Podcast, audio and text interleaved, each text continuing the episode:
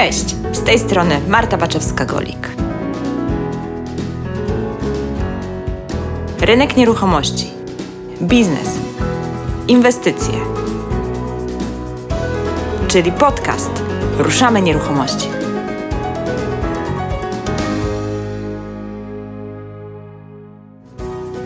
Można mieć 100 osób zatrudnionych i być zajechanym. Nadal robić wszystko samemu i jednocześnie można prowadzić bardzo dochodowy biznes i nie zatrudniać sztabu ludzi.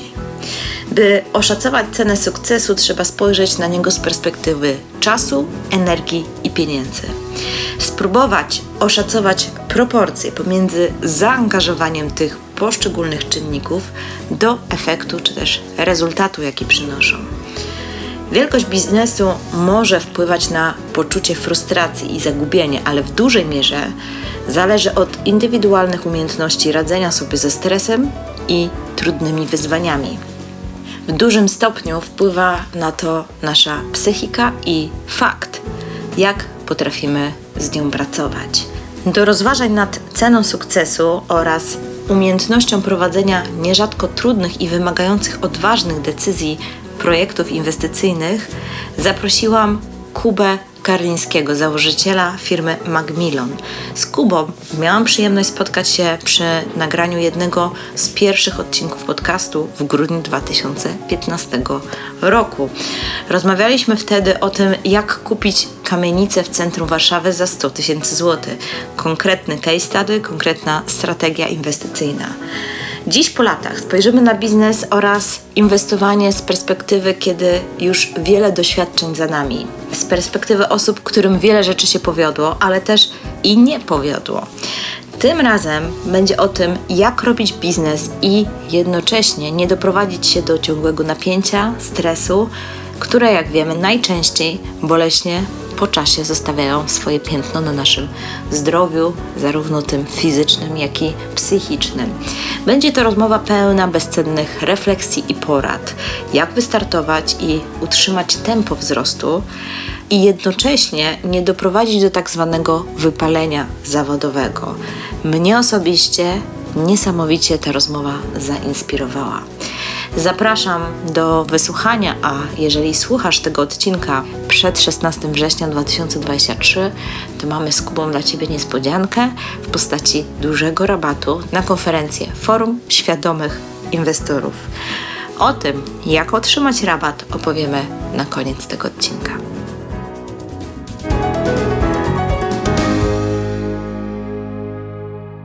Cześć Kuba, witam Cię serdecznie ponownie w podcaście Ruszamy Nieruchomości.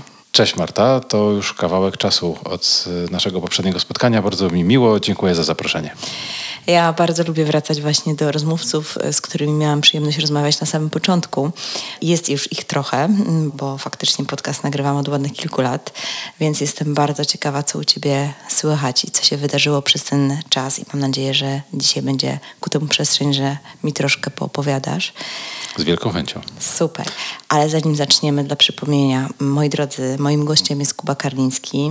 Myślę, że można użyć takiego sformułowania, że inwestor dużego formatu. No.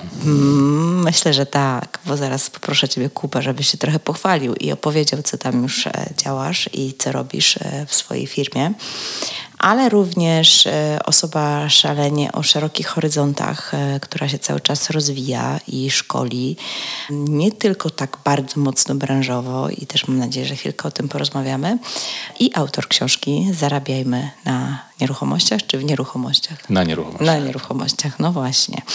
Kuba, witam Ciebie serdecznie jeszcze raz. Powiedz mi na starcie, jak to się stało, że Macmillan dzisiaj jest tak dużą firmą? Czy Macmillan jest dzisiaj dużą firmą? No dobrze, to ile macie w portfelu inwestycji teraz? Jak to robicie? Wiesz co, czy robimy tak, że mamy, staramy się mieć y, kilka inwestycji równolegle, nie więcej niż dwie, trzy, mm, ponieważ nasz zespół nie jest bardzo liczny. Takiego podstawowego zespołu jest nas około 10 osób mhm. i w razie potrzeby y, angażujemy mm, zewnętrzne zasoby do tego, żeby ten zespół rozbudować w sytuacji takiej, kiedy jest taka potrzeba. Więc jesteśmy w stanie tutaj z partnerami naszymi e, zmobilizować e, i jak trzeba, nie wiem, na jakąś inwestycję ponad 100-osobowy zespół, e, to, to on jest. Natomiast to są jakby nasi partnerzy, z którymi bardzo często realizujemy którąś kolejną inwestycję. Myślę, że to jest normalne w projektach takich inwestycyjnych, nie? Ponieważ że jednak my- dobiera się ludzi do projektu. Tak, my nie mamy takiej dużej skali jak najwięksi deweloperzy, którzy mają kilka czy kilkanaście dużych inwestycji deweloperskich w, jeszcze w różnych lokalizacjach w jednym momencie. Działamy raczej w takim modelu, gdzie starannie wybieramy te projekty, które chcemy realizować i e, nie realizujemy tego w sposób taki, nazwijmy to, fabryczny, masowy. To pochwal się, co macie już na koncie. Z Z inwestycji zakończonych inwestycji, a Z- potem porozmawiamy o tym, co na bieżąco. Dobrze, to z zakończonych inwestycji mm, popatrzymy, patrząc na powiedzmy lata ostatnie, to projekt, y, który, z którego ja jestem najbardziej zadowolony i który też był dość kontrowersyjny w Warszawie przynajmniej, to jest y, projekt Pole Mokotowskie w, na ulicy Batorego na Polu Mokotowskim. Kupiliśmy dwa stare budynki biurowe e, które się, no może nie to, że rozpadały, ale mm, szpeciły okolice. Takie stare z końca lat 70. Kamienice to były? Czy Właśnie to... nie, to takie pawilony, budynki takie mm, biurowe, w, które były Takie postawione... trochę PRL-em jechały. W pełni PRL-u, w pełni PRL-u postawione, te potem jakoś tak delikatnie mm, przypudrowane, natomiast y, urodą specjalnie jakoś nie grzeszyły. Nie no, E, architektura konkretna. ale swoją funkcję spełniały. I te budynki były postawione chyba w 78 albo w 79 roku. W- Mieściło się w nich e, najpierw zaplecze budowy bodajże chyba metra, potem różne gdzieś instytucje, firmy, jakiś urząd skarbowy tam się mieścił, jeden, jedna z pierwszych e, siedzib warszawski. Potem się mieściło Biuro Planowania Rozwoju Warszawy i to biuro przejęło te budynki, później otrzymało je od miasta w, niejako w użytkowanie. W, to użytkowanie zostało zamienione na własność i w momencie, kiedy jakby zmienił się troszeczkę profil działania w, i, i e, tam znalazł się inwestor, myśmy jakby odkupili te budynki, zrobiliśmy tam remont e, taki dość gruntowny, na tyle, na ile pozwalał plan miejscowy i zaproponowaliśmy e, nabywcom, inwestorom e, 180 lokali, takich bardzo fajnych, kameralnych, akurat trafiających idealnie w potrzeby e, chwili, w potrzeby rynków, e, idealne lokale pod wynajem. Czyli zmieniliście to na funkcję mieszkalną, czy nie? Nie zmienialiśmy funkcji, Mhm. dlatego że plan miejscowy nie pozwalał na to, żeby zmienić Rozumiem. funkcję. I u, tak samo też użytkowanie wieczyste, z, na, na którym jakby stoją, na podstawie którego te budynki stoją, też przewidywało tylko i wyłącznie funkcję biurowo-usługową, więc jakby ona została. Czyli tak, e, inwestycja na polach makotowskich, biurowce przekształcone na lokale takie pod wynajem, ale na lokale w sumie z Usługowe. funkcją Lokale mieszkalną czy usługową? Lokale usługowe. Natomiast jakby Mhm. nasi klienci, e, nabywcy w, m, urządzili w bardzo różny sposób sobie te lokale. M, Na takich kilkunastu metrach wydaje się, że to jest jak w ogóle na takiej przestrzeni można funkcjonować. Natomiast zauważyliśmy bardzo dużą niszę, bo po prostu nie ma takiej oferty małych lokali. Jak ktoś e, Czyli przykład to trochę takie były mikrokawalerki. Ja bym powiedział bardziej mikrolokale. E, Niektórzy urządzili tam sobie m, powiedzmy coś ala mikrokawalerka, natomiast y, myśmy proponowali, sprzedawali mikrolokale i jakby do własnego zaaranżowania, do własnego wykorzystania. Jedna, jeden ktoś chciał mieć tam biuro, inny ktoś e, chciał mieć jakiś lokal usługowy, a jeszcze inny ktoś stwierdził, ok, fajna powierzchnia, blisko uczelni, blisko metro, świetna lokalizacja, to może jakaś mikrokawalerka, może pod wynajem krótkoterminowy albo długoterminowy. Natomiast to jest indywidualna decyzja już potem właściciela. Super. Ale ja pamiętam jeszcze twoją inwestycję, e, to była zdaje się na Pradze, taka piękna kamienica. Tak, to mieliśmy, na Pradze mieliśmy dwie inwestycje w kamienicę. Mm, Jedna właśnie taka piękna kamienica to pewnie kamienica na Starej Pradze na Brzeskiej 18, naprzeciwko Bazaru Różyckiego dla tych osób, które troszeczkę lepiej Warszawę znają. I e, kamienica ponad stuletnia, Menachem Rotlewiego, w, em, zabytkowa, zabytek rejestrowy, więc y, najwyższa jakby klasa, y, nazwijmy to ochrony konserwatorskiej i również dla inwestora najwięcej wyzwań natury formalnej, a później też y, operacyjnej, bo wcale nie jest łatwo remontować zabytki. Natomiast tak, no to, to też jeden z projektów, który za nami. 60 lokali, 55 mieszkań, 5 lokali usługowych na dole, e, ponad e, 3200 metrów powierzchni kwadratowej i stan zużycia y, taki no ponad 70% jak kupowaliśmy, więc bardzo, bardzo wysoki. Tak naprawdę w starej zabud- w starym budynku zachowując jego charakter i, i te kluczowe, najbardziej wartościowe jego elementy wybudowaliśmy zupełnie nowy budynek od dołu do góry w taki sposób, żeby się to z góry nie zawaliło na to, co jest na dole. Więc bardzo ciekawy, trudny technicznie. Mm, Koszty za tym oczywiście też odpowiednio e, duże poszły, natomiast e, bardzo e, jakby, mm, no taka jedna z wizytówek Pragi na pewno. No na pewno druga. Druga kamienica to kamienica, ta akurat y, na Brzeskiej to jest kamienica sprzed I wojny światowej, więc y, no jak kupowaliśmy to już miała ponad 100 lat. Natomiast druga to jest kamienica z końca lat 30. na Pradze Południe, którą y, w nietypowy trochę sposób w ogóle jeszcze kupiliśmy, bo kupiliśmy kamienicę i działkę, która do niej przylegała. I ci, którzy kupowali kamienicę, nie chcieli kupić, bo, no bo po co im działka, a deweloperzy nie chcieli kupić działki, no bo po co im kamienica stara. I to jeszcze tam mieliśmy mm, kamienicę, gdzie mieszkało kilku lokatorów. E, Kamienica nieduża, 400 chyba 80 metrów z tego co pamiętam i 8 mieszkań. E, Natomiast na działce dobudowaliśmy nowe skrzydło, takie kilka razy większe niż y, ta kamienica oryginalna. Z garażem podziemnym połączyliśmy stare z nowym tak, że nie widać, gdzie było stare, gdzie jest Super. nowe. No i nagle się okazało, że 50 mieszkań i prawie 3000 metrów powierzchni można było e, zaaranżować. Rewelacja. I grunty też. Grunty, od gruntów zaczynaliśmy, e, bo jakby w, myśmy weszli w, na rynek nieruchomości jako, e, jako firma, nawet jeszcze zanim pojawiła się marka i, i firma Macmillan, jako inwestycje ziemskie i tam e, od 2000 tak naprawdę 10 roku zaczęliśmy działać. E, Skupiliśmy w sumie wspólnie z inwestorami, bo to jakby był projekt, e, gdzie zaprosiliśmy inwestorów do inwestowania e, swojego kapitału. Od 100 tysięcy złotych w górę takie inwestycje były możliwe i tam skupiliśmy ponad 170 hektarów e, gruntów w 40 różnych lokalizacjach w Warszawie i w okolicach Warszawy w celu przekształcenia tych gruntów i później e, jakby sprzedaży jako działki e, budowlane. Mogę powiedzieć, że się udało. W- Zostało nam chyba dwie lokalizacje jeszcze, e, gdzie powiem, te, no, głównie opór na te, materii biurokratycznej m, spowodował, że jeszcze mamy nie, jakby nie dom- domknięte do końca, albo gdzieś tam czynności dotyczące planu miejscowego, zmiany planu miejscowego się trochę jakby przesunęły, albo e, inne e, powiem, pomysły e, samorządu odnośnie wykorzystania tych terenów i, i próby blokowania. Natomiast poza tym wszystkie lokalizacje e, mamy mm, tak naprawdę po, właściwie po, posprzedawane. Wyszło nam ponad tysiąc działek e, do sprzedania i, e, i to było tyle ciekawe, że też myśmy się z góry nastawili na początku, ok, no to zrobimy to przekształcenie, kupimy, załatwimy jakieś tam media, wodociąg, energię elektryczną, utwardzimy drogi dojazdowe, wyczyścimy, podzielimy.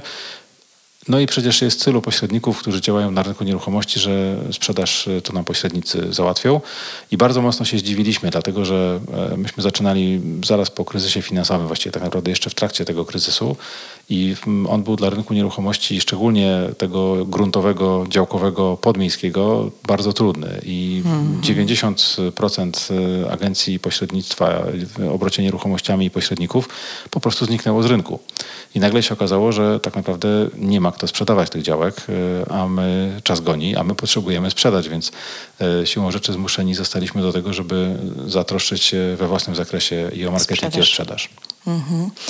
Kuba, a powiedz mi, a czy jakimiś takimi małymi tematami się zajmowałeś? W ogóle flipowałeś kiedyś? Pojedynczymi lokalami y, to przyznam, że nie, bo ciężko mówić, żeby mieszkanie, które kupiłem na własne potrzeby i potem je sprzedałem po kilku latach, y, żeby to było flip. Y, Raczej mm, akurat Tak zmiana pomysłu na, Na to, gdzie życie. chcę mieszkać, spowodowała, że, że miałem po prostu mieszkanie kupione w dobrym momencie. Zawsze jest dobry moment, jeżeli się wie, co się chce kupić i za jaką cenę. I potem te ceny poszybowały, więc sprzedałem je znacznie drożej, tam kilka razy drożej e, w perspektywie tych e, kilku lat. E, Natomiast takiego flipowania pojedynczymi lokalami nigdy nie robiłem. Tu myśmy zaczęli od gruntów. Mieliśmy też już wielu inwestorów, którzy nas namawiali bardzo mocno na to, żeby zaproponować jakieś inwestycje w nieruchomości w mieście, właśnie takie deweloperskie, bo oni, nie, nie, oni są z miasta, oni nie, nie rozumieją, tej ziemi nie czują albo na przykład nie chcą na taki długi okres inwestować, więc myśmy zaczęli tak naprawdę od razu od y, wi- większej skali i projektów na większą skalę. Ja gdzieś tam miałem trochę doświadczenia gdzieś tam wspierając y, powiedzmy bliskich w ich projektach, więc jakby nie było to dla mnie zupełnie obce, natomiast y, takiego flipowania, flipowania lokalami nie robiłem. Pytam się, bo wiesz, jest takie powiedzenie, że mm, teraz, że mnie go nie spaliła, bo mówię z pamięci, ale jest takie powiedzenie, że, że dużo łatwiej się robi duże projekty, ale małych nie można pominąć. Co ty o tym myślisz? Znaczy powiem tak, jeżeli ktoś y, się chce nauczyć y, i przetestować i zdobyć doświadczenie, to ja zdecydowanie polecam małe kroki i e, małe projekty, dlatego że y, jakiekolwiek błędy kosztują po prostu mniej pieniędzy wtedy. Natomiast przy dużych projektach y, potknięcie oznacza potencjalnie znacznie bardziej y, bolesne skutki i, i większe koszty. Poga- Pogadamy dzisiaj jeszcze o tych potknięciach i, i skutkach i o lekcjach, ale dlaczego Ciebie tak wypytuję o to wszystko, e, co się wydarzyło? Bo też chcę słuchaczom uświadomić, jaki zakres inwestycji już masz na swoim koncie, e, żeby po prostu jak przejdziemy do tych kwestii takich e, doświadczeń i lekcji płynących z tych wszystkich projektów, no żeby nasz, mój słuchacz i twój w sumie też już teraz, e, no po prostu miał świadomość, e, że faktycznie e, stoi za tobą bogate doświadczenie, więc zanim o tym jeszcze, to powiedz mi Kuba, co teraz? Co się obecnie dzieje u ciebie? Rozmawiamy latem 2023 Tak. roku. Y, Warto dodać. Warto dodać, bo podcasty żyją długo i potem e, mogą być słuchane e, latami tak naprawdę. Prawda. E, Więc y, jesteśmy w teraz bardzo ciekawym momencie, dlatego że mm, uruchamiamy, znaczy uruchomiliśmy już inwestycje jakiś czas temu, natomiast y, lada moment będziemy ruszać z budową w mm, takim mamy bardzo fajny mm, projekt y, w, tuż pod Warszawą, w mm, gmina Michałowice, w, Regułach, mie- miejscowość Reguły pomiędzy Warszawą a Pruszkowem, dla tych osób, które trochę mniej tutaj w okolicy znają. E, I tutaj e, na 2,5 hektarach terenu, który kupiliśmy, będziemy budować takie budynki z lokalami, małymi lokalami, takimi właśnie usługowymi na sprzedaż e, i pod wynajem. E, I to jest em, koncept e, troszeczkę zbliżony do tego, co e, co robiliśmy, w, co zrobiliśmy na Polu Mokotowskim w Warszawie, natomiast inna specyfika zupełnie. Tutaj budujemy od zera zupełnie, więc jakby bogatsi o doświadczenia z tamtej realizacji zaprojektowaliśmy zupełnie od, znaczy projektant nam zaprojektował zupełnie od zera to, co chcieliśmy tutaj zrobić. Natomiast jakby potencjał inwestycyjny e, tej kategorii jest ogromny i mimo, że mamy lokalizację pod Warszawą, tam mamy półtora chyba czy dwa kilometry od granic Warszawy, to jest świetnie skomunikowana z centrum miasta, bo jakby kolejka e, WKD, która tuż obok przebiega, jedzie 21 minut e, do dworca centralnego stamtąd, więc to jest Super. znacznie krócej niż e, dojazd komunikacją miejską z peryferyjnych dzielnic jakby wewnątrz Warszawy czy z peryferyjnych osiedli i można się spokojnie jakby tam ulokować, e, a jak ktoś bardzo potrzebuje do centrum Warszawy dojechać, to, to bez problemu też może. Plus oczywiście jakby komunikacja jakby autobusowa w Aleje Jerozolimskie mamy chyba 200 metrów od naszej nieruchomości, więc e, tymi samymi alejami po prostu się wjeżdża do centrum e, bardzo komfortowo i autobusy też tam jeżdżą e, co chwila, więc e, świetna lokalizacja. Brakuje takiej oferty, tak jak, e, tak jak zauważyliśmy właśnie dla, na potrzeby małych firm, e, bo tutaj myślimy głównie o użytkownikach e, biznesowych, e, takich, którzy by chcieli e, dla siebie znaleźć miejsce. Nawet jak ktoś ma duży dom, to niekoniecznie e, utrzymanie biura w tym domu jest zdrowe. Wiele osób tak robi, natomiast e, czas pandemii pokazał, że e, fajnie jest tą przestrzeń oddzielić. Ja myślę też, że te wszystkie wirtualne biura e, pokazują, e, jak duże jest zapotrzebowanie na, na takie właśnie jednak zewnętrzne adresy. Nawet jeżeli ktoś nie potrzebuje mieć takiego no, biura, biura, e, w którym, czy, czy, czy lokalu, w którym przesiaduje, to jednak niekoniecznie chce rejestrować firmę w, swojej, w swoim mieszkaniu, czy tam w swoim domu prywatnym. Także super, to trzymam kciuki. Tak, firma w domu ma swoje plusy, y, bo można w piżamie i w kapciach y, zejść do biura i, i faktycznie jak korespondencja przychodzi i ktoś jest na miejscu, to nie trzeba potem stać w kolejkach na poczcie, ale ma też liczne minusy i, i to, co powiedziałaś, y, to, to na pewno jest fakt. Jak ma ktoś z urzędu przychodzić, Ja nawet wiem po sobie, wiesz, e, pomimo, że faktycznie myślę, że 90% czasu mojej pracy takiej biurowej, nazwijmy to, ją wykonuję właśnie z domu, ale firmy mam porejestrowane właśnie w wirtualnych przestrzeniach, bo no niekoniecznie chcę, żeby mój adres prywatny był szeroko dostępny. Dokładnie tak. E, super, Kuba. To teraz przejdźmy do meritum. Chciałabym, że- żebyśmy dzisiaj się zastanowili nad tym, jaka jest cena sukcesu i jaka jest, zwłaszcza w tej naszej branży. E, no bo to wiesz, to tak pięknie, to tak jak byłam ostatnio w Muzeum Sportu z moim synem i tam jest ta taka piękna ściana tych wszystkich olimpijczyków i, i to się tak fajnie patrzy, nie? Na te, na te, na te zdjęcia tych mistrzów olimpijskich. E, i, to, I tak sobie myślisz, wow, ekstra osiągnęli w ogóle, ale jak się tam zagłębisz w każdą z tych historii, to tam jest naprawdę Krew, pot i łzy. tak. Nie chciałam aż tak drastycznie, ale trochę tak to wygląda i to często od, od najmłodszych lat życia. Więc ta cena tego medalu jest naprawdę spora. Oczywiście jakby nie kwestionuję, czy warto, czy nie warto, ale jednak jest. Więc chciałam się ciebie podpytać, jak to u ciebie wygląda. To jest e, pytanie, na które e, chyba nie znam jeszcze odpowiedzi. E, tak myślę z, na gorąco, dlatego że z jednej strony te, jak popatrzę na to, co osiągnęliśmy przez te ostatnie, ostatnie kilkanaście lat. Bo ile lat właśnie? no myśmy zaczynali w drugiej połowie lat, w drugiej połowie roku 2009. Ym, Wtedy jakby pomysł się narodził w sierpniu, czyli te 14 lat mniej więcej temu y, po raz pierwszy z Hubertem, z moim wspólnikiem i przyjacielem, żeśmy zaczęli bardziej konkretnie rozmawiać o tym, y, że może jednak nieruchomości i, zaczęliśmy jakoś tak y, finalizować, przelewać tą wizję gdzieś bardziej na, na konkrety, na plany. Y, Więc to jest y, 14 lat y, i przez te 14 lat zrobiliśmy mm, sporą, jakby sporo zmian i- jakby trochę projektów i trochę ewolucji, no bo zaczęliśmy od inwestycji w grunty. Taki dosyć macie szerokie spektrum, nie? Tych e, Znaczy myśmy od inwestycji z grunty odeszli jakiś czas temu. Znaczy kończymy te, które mamy rozpoczęte, natomiast nowych już nie uruchamiamy. W międzyczasie mm, przepisy się pozmieniały mm, i klimat i otoczenie na rynku tak drastycznie, że stwierdziliśmy, że jest to oczywiście przestrzeń, ale, ale już nie chcemy. Większy potencjał jest w inwestycjach, widzimy w inwestycjach e, Deweloperskich. deweloperskich i na nich się koncentrujemy. No i tutaj mm, jakby budowaliśmy i osiedla mm, takie z domkami gdzieś szeregowymi, e, z mm, takimi domami e, właśnie w intensywniejsza zabudowa jednorodzinna. Robiliśmy trochę remontów kamienic. Ym, Teraz remont plus budowa bud- lokali, znaczy takich budynków usługowych z lokalami takimi o bardziej wyspecjalizowanej, ale jednak elastycznej funkcji. I myślę tak podskórnie, że to jeszcze nie jest ostatnie słowo, ponieważ No, podchodzimy, podchodzimy do tego w ten sposób, żeby znaleźć e, ciekawe opcje, ciekawe, z ciekawą perspektywą i tą perspektywę wykorzystać. I jeżeli chodzi o cenę sukcesu, no, z punktu widzenia przedsiębiorcy, który prowadzi własny biznes, y, ja zanim się zacząłem e, jakby zajmować nieruchomościami, to e, pracowałem w korporacji przez kilka lat, e, właściwie w, dwóch korporacjach różnych, w różnych branżach, w branży farmaceutycznej, w branży medialnej.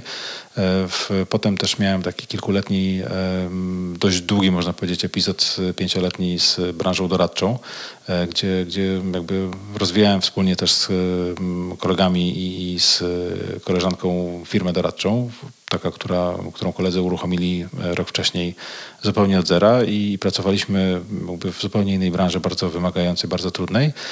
I, i tak jak patrzę, no to mm, w każda, każdy jakby sukces y, biznesowy, po pierwsze jakby każdy to trochę inaczej definiuje, co to jest ten sukces. Jasne. E, Z drugiej strony to oczywiście jest, y, to wymaga gdzieś tam dobrego pomysłu, wymaga konsekwencji, wymaga pracy, y, wymaga tego, żeby się spiąć, zmobilizować, wymaga si- silnej psychiki, żeby sobie radzić z jakimiś tam niepowodzeniami po drodze, które się e, przydarzają. To jest kwestia też odpowiedniego nastawienia psychicznego do tego, żeby sobie radzić z takimi sytuacjami, bo nagle może się okazać, że e, z czegoś, co wygląda na ogromną wtopę i porażkę i prawie katastrofę i, niewiele brakowało, aby się nam firma wyłożyła z różnych powodów, nagle się okazuje, że po pewnym czasie można zobaczyć, o kurczę, tutaj się sporo nauczyliśmy i jeżeli popatrzymy na to, ile się nauczyliśmy z danej sytuacji, no to wcale to nie była taka porażka.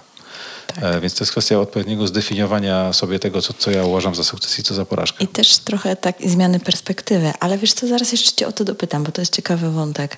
Ale czy masz takie poczucie, że nie wiem, coś może cię ominęło, albo przez to, że byłeś skupiony na jakichś projektach, czegoś innego nie zrobiłeś? Czy zauważasz takie rzeczy w swoim życiu? Na pewno wielu rzeczy nie zrobiłem. E, Czy mnie to ominęło? Bardziej staram się podchodzić do tego w ten sposób, że jakby robię to, co chcę robić, e, robię to, co mnie interesuje, pasjonuje, co mnie ciekawi, e, co sprawia jakby, że mi się chce wstać, pojechać do biura i, i, i zajmować tymi tematami. Jeżeli coś gdzieś było, co nie stało się moim udziałem, to, to trudno. E, To jest Jasne. jakaś tam naturalna konsekwencja. Nie postrzegasz tego jako nie wracam, stratę.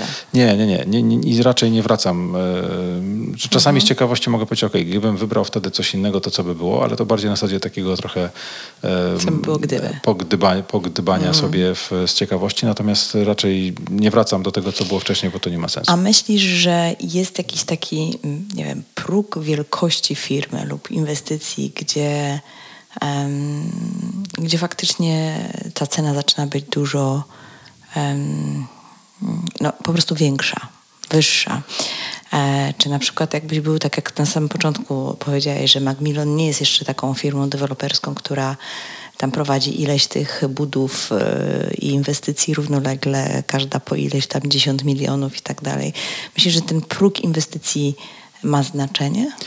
Ja myślę, że to trochę, mm, trochę bym chyba z innej perspektywy na to popatrzył. Dlatego, że z jednej strony jest, y, to jest kwestia jakby czasu, energii e, i pieniędzy.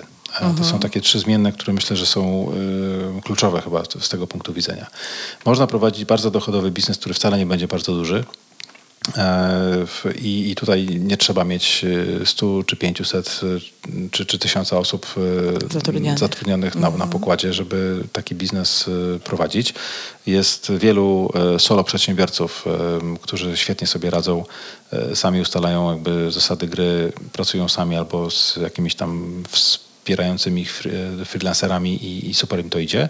Natomiast są też y, osoby, które potrafią, potrzebują mieć dużego sztabu ludzi po to, żeby ten biznes ułożyć. Natomiast to jest, myślę, w większym stopniu kwestia odpowiedniego nastawienia psychicznego i umiejętności radzenia sobie z tym, co się dzieje po drodze i umiejętności też zaplanowania i zorganizowania czasu swojego i czasu jakby ludzi, którzy w firmie działają.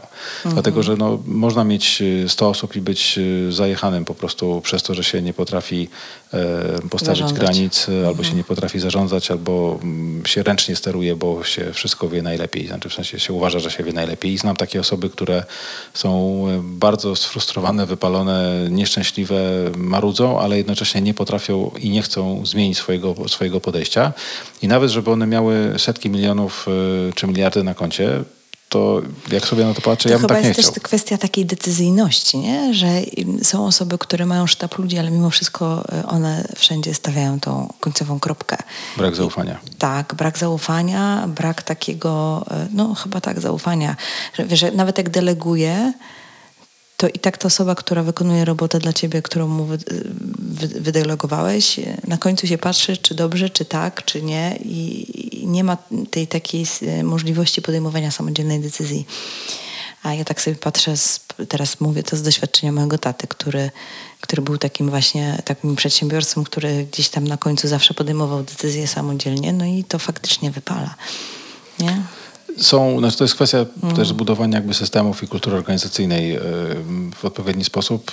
Y, Pracowałem w Agorze kiedyś, duża firma medialna, tam nie wiem, kilkaset czy czy ponad tysiąc osób zatrudnionych wtedy i y, mnóstwo decyzji było za- podejmowanych y, albo na poziomie zarządu, albo tuż poniżej, y, nawet bardzo prostych, zupełnie bez sensu.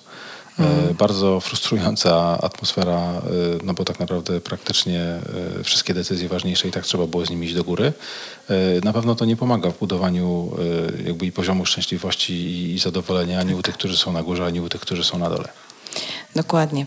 A powiedz mi, e, wracając już teraz tak trochę do Twoich projektów, e, który z Twoich projektów był taki dla, Ciebie najbardziej wyzwaniowy, trudny? Pytanie jest dobre i nie potrafię wskazać tego jednego konkretnego, dlatego że mieliśmy z wieloma projektami, e, mieliśmy i jeszcze mamy cały czas wyzwania e, i tak widzę, że czasami jak jest projekt, który idzie gładko i, nie ma żadnych wyzwań, to jest aż, e, Aż podejrzane. aż dziwne, e, dlatego że no zawsze jest ryzyko, że coś może pójść nie tak i, to po prostu jest specyfika gdzieś tam też rynku nieruchomości, bo albo, albo z pozwoleniem jest e, jazda bez trzymanki i, i to trwa i trwa i trwa i trzeba się gimnastykować, albo jak jest pozwolenie, to znowu gdzieś tam z czymś innym, albo klienci nagle nie mogą kredytów dostać i ze sprzedażą jest trochę większe wyzwanie, albo na przykład firma czy osoba, która miała coś tam zrobić, nagle się okazuje, że jednak nie zrobi, bo nie ma terminów, bo coś im się zmieniło, bo ktoś zmarł, y, bo, bo, bo coś i nagle się okazuje, że trzeba to wszystko przeorganizowywać. Y, Albo jest gdzieś tam jakieś wyzwanie, bo się zmieniły jakieś procedury w banku na przykład, który przyznaje finansowanie i nagle się okazuje, że tutaj jeszcze trzeba jakiś tam inny papier załatwiać, tu coś. Y, Będzie to trwało. Wykonawcy, podwykonawcy czekają z, na pieniądze, bo potrzebują e, sfinansować kolejne jakieś tam zakupy materiałów e, i się stresują, czy dostaną pieniądze, czy nie. E, Więc jakby tych, e, tych elementów jest tak dużo, że zapanowanie nad tym wszystkim czasami jest wyzwaniem. I żeby miał wskazać jeden projekt, który mnie nauczył najwięcej, to nie potrafię tego zrobić, bo jakby każdy... W każdym coś było. W każdym coś było, tak. Mhm. A powiedz mi, jak ty sobie radzisz ze stresem? Bo ja na ciebie patrzę i mam wrażenie, że ty jesteś w ogóle mega spokojny gość. E, znamy się już trochę lat. Gdzieś tam mieliśmy okazję nawet trochę popodróżować wspólnie. Ja w ogóle nigdy nie widziałam, żebyś ty się jakoś, nie wiem, zirytował, zdenerwował. Jak ty w ogóle panujesz nad stresem? No bo wiesz, takie sytuacje jednak podnoszą ciśnienie. Podnoszą ciśnienie, to prawda, natomiast y, jak, generalnie jakby z natury jestem y, spokojny i y, ciężko mnie wkurzyć. Trzeba się bardzo postarać. Możemy używać słownictwa takiego mniej cezuralnego, będziesz wyklikiwać później, czy, czy Zrobię niekoniecznie? pip. E, Tak szczerze mówiąc, żeby mnie ktoś naprawdę wkurwił, e, to, to nie pamiętam, kiedy to było ostatnio. E, Zdarzają mi się momenty, że mnie ktoś, bardzo rzadko mnie jestem w stanie, jest w stanie ktoś mnie wyprowadzić z równowagi. Ja sam się wyprowadzam z równowagi. E, Miałem taką sytuację z jednym z ze zdenerwowanych e, inwestorów, który mm, kiedyś zadzwonił i chciał porozmawiać i też jeszcze wspólnie z żoną, która też dodatkowo była bardzo zdenerwowana, mieli jakieś tam swoje, e, swoje wyzwania. Nam się coś przedłużyło z projektem i generalnie jakby mm, cały w stresie jakby zadzwonił czy zadzwonili, żeby, e, żeby mm, tą swoją e, gdzieś tam złość, e, Frustrację frustrację wyrzucić. jakby wy, wyrzucić, wylać. I akurat już nie pamiętam dlaczego, natomiast faktycznie straciłem wtedy panowanie nad sobą e, i, i e, mm, ta rozmowa była bardzo szybka, bo jakby trwała, e, trwała tam, nie wiem, może z minutę, może ze dwie, może ze trzy. Natomiast ten, natomiast y, ja po prostu jakby zawiesiłem, czy też rozłączyłem połączenie. Po kilku minutach, jak y, ochłonąłem trochę, y, to, to zadzwoniłem i już jakby mm, normalnie porozmawialiśmy. Natomiast y, to jest chyba jedyna sytuacja, kiedy naprawdę jakby mnie ktoś do Poczułeś. takiego stopnia wyprowadził z A twój wspólnik też jest taki opanowany? E, Nie. E, Hubert jest, e, Hubert jest zdecydowanie bardziej impulsywny, gorącokrwisty. Znaczy m, pracuje nad sobą i jakby bardzo, e, jakby widzę, że się bardzo mocno e, też uspokoił i wyciszył e, w porównaniu do tego, jak to jeszcze niedawno, czy niedawno, w sensie te naście lat temu, jak zaczynaliśmy, czyli nawet kilka lat temu, jak, jak funkcjonował, więc jakby jest dużo, też jest znacznie bardziej wyluzowany, natomiast e, łatwiej jest mu e, gdzieś tam e, się poirytować i, i wyrzucić z siebie gdzieś tam jakąś frustrację czy, czy złość czy żal. Natomiast też jakby jak szybko się zagrzewa głowa, to szybko się studzi. Natomiast jeżeli chodzi o mnie i w jaki sposób ja sobie z tym radzę, znaczy ja mam świadomość tego, że zarządzanie swoimi emocjami to jest, to jest zarządzanie swoim zdrowiem, bo jakby miałem przez wiele lat taką konstrukcję, że po prostu wszystko sobie tłumiłem i, i potem wcale mi to na zdrowie nie wychodziło, bo cho- chorowywałem to w dużym stopniu, więc e, No właśnie, to, jakiś czas to temu... ale- pewnie to jest ta cena ale to, jeszcze, co? ale to jeszcze było zanim to jeszcze było zanim swój biznes e, prowadziłem. Wiesz, Mhm. Więcej, bardziej byłem zestresowany gdzieś tam pracując w korporacji, bo było mnóstwo rzeczy, na które nie miałem wpływu albo miałem bardzo ograniczony wpływ. I, e, a skutki mnie dotykały. I to dla mnie było takie, takie środowisko, w którym ja się źle czułem. E, Mhm. Między innymi też jakby, mm, jak to zmieniłem, to postanowiłem, że e, chcę w normalny sposób funkcjonować. Dbam o ciało i o ducha e, i o głowę e, i e, robię to w sposób świadomy i konsekwentny i dzięki temu e, naprawdę bardzo trudno jest To nie wyprowadzić zdradź, z równowagi. zdradź, co robisz. E, wiesz, Dla to- wszystkich tych, co nie panują nad emocjami. Dla tych, którzy by chcieli lepiej panować nad emocjami, jest e, kilka takich, nazwijmy to, trików, e, które chętnie też stracę. I jest też trochę takich działań, które bardzo polecam do wprowadzenia do, swojego, do swojej takiej rutyny codziennej. E, I może od nich zaczniemy, bo one są zdecydowanie jakby, Dajesz. wydaje się, że są prostsze, natomiast wymagają faktycznie z samodyscypliny. Już i... jak słyszę rutyna codzienna, to już wydaje, wiesz, to jest proste, ale tak naprawdę ta rutyna co- codzienna, codzienna, to słowo codzienna jest e, haczykiem tutaj bym powiedziała, bo e, wykonywanie coś codziennie, nawet prostej rzeczy, to się wiąże ze zmianą nawyków. Właśnie. I o nawykach y, fajnie, że, na, że powiedziałaś, bo to właśnie jest wyrobienie nawyków. I dzisiaj, tak jak patrzę, to mm, ja dbam o to, y, jakby co jem y, i odżywiam się zdrowo. Na tyle, na ile to jest możliwe, raczej świeżyzna i jak najmniej przetworzonych produktów. Unikam tego, co ma gluten. Unikam jakichś takich świństw po prostu gdzieś tam z chemią y, i to ma bardzo duże przełożenie na to, że się lepiej czuję. Jak się lepiej czuję, y, Dbamy też o to, żeby mieć aktywność fizyczną, więc biegam rano, y, nie jakieś tam maratony, bo tego nie lubię, ale biorę psy i, i na takie 5 kilometrów y, truchcikiem sobie rano y, bi- po prostu na spacer je zabieram. W dni, w dni robocze, codziennie, od poniedziałku do piątku, w weekendy to są długie spacery, e, takie ki- kilkukilometrowe. W, aktywność na świeżym powietrzu to jest klucz. Ćwiczę też kilka razy w tygodniu. E, oprócz tego, że biegam, i e, medytacja to jest coś takiego, co na, szczególnie na nerwy e, bardzo, bardzo dobrze robi. E, Dla osób, które są znerwicowane i gdzieś tam nie potrafią wyciszyć sobie tego głosu w głowie, który im cały czas gdzieś tam coś podpowiada, ona na początku może być trudna, natomiast zachęcam do tego, żeby wytrwać w tym postanowieniu i niech to będzie 15 minut. Ja akurat robię 30 minut dziennie, też w dni robocze, od poniedziałku do piątku codziennie Em, i to jest świetny sposób na to, żeby po prostu się wyciszyć. Jeżeli jakby jesteśmy w stanie e, zadbać o to, żeby te odstępy między myślami, które nam po głowie przebiegają, były możliwie jak najdłuższe, to wtedy to daje mm, bardzo duży spokój i nawet potem jak jest jakaś taka sytuacja stresująca czy, czy nagła w środku dnia, to potem nagle człowiek jakby odkrywa, że nie musi reagować e, automatycznie od razu e, i nie musi się dawać gdzieś tam ponieść emocjom na wysokim poziomie. Podobno mamy kilka sekund od momentu, kiedy następuje jakiś taki, wiesz, zapalny y, moment, e, do momentu, kiedy już uderzy w ten nasz, y, w tę naszą emocjonalność, tak, że już wybuchamy. I to jest te kilka sekund, gdzie można coś z tym zrobić, a niektóre różne metody stosują. To oddech, to liczą sobie na przykład, albo po prostu gdzieś tam się wstrzymują. I to jest tylko kwestia tego zauważenia, tego momentu takiego, w którym, którym to, wiesz, to się pojawia, nie? Nie wiem, czy to jest tak, że wszyscy mają kilka sekund. Mam takie podskórne Podobno. poczucie, że niektórzy po prostu się już tak y, z automatu przyzwyczaili do tego, że mają wybuchać od razu, że nawet te kilka sekund y, może to być dla nich za dużo. E, Nawet y, kilka dni temu y, rozmawiałem z takim przedsiębiorcą, bardzo zresztą y, udanym i skutecznym z Kalifornii. Współprowadziłem takie szkolenie z duże y, z międzynarodową grupą i tam y, właśnie on zdradził, że y, wkurza się bardzo szybko i godzinę mu zajmuje ochłodzenie głowy na tyle, żeby był w stanie logicznie myśleć. Jak przez tą godzinę po prostu jest nie do życia. W ogóle nie myśli. E, I to jest tak, że jak mamy emocje na wysokim poziomie, to, to umysł, czy też ten Jest mózg racjonalny Nie? że jak emocje idą w górę, to inteligencja spada. tak, umysł inteligentny, czy ten, powiedzmy ten racjonalny Mm. przestaje w ogóle działać, e, więc im szybciej te emocje będziemy w stanie gdzieś tam jakoś, e, nie chodzi o to, żeby je tłumić, ale rozładować, e, tym szybciej wraca nam e, możliwość myślenia. A jak myślisz, bo w tym takim E, twardym... No, po- jeszcze tak, cię wstrzymam z tym pytaniem, bo to jeszcze Mhm. nie wszystko, wiesz, to dopiero zacząłem gdzieś tam o tym mówić. Oprócz medytacji jeszcze bardzo polecam... Poczekaj, jeszcze zatrzymajmy się na tej medytacji. A jak myślisz, e, w, e, jak bardzo to ta umiejętność właśnie za, zapanowania nad tymi emocjami ma przełożenie na, na sukces w biznesie?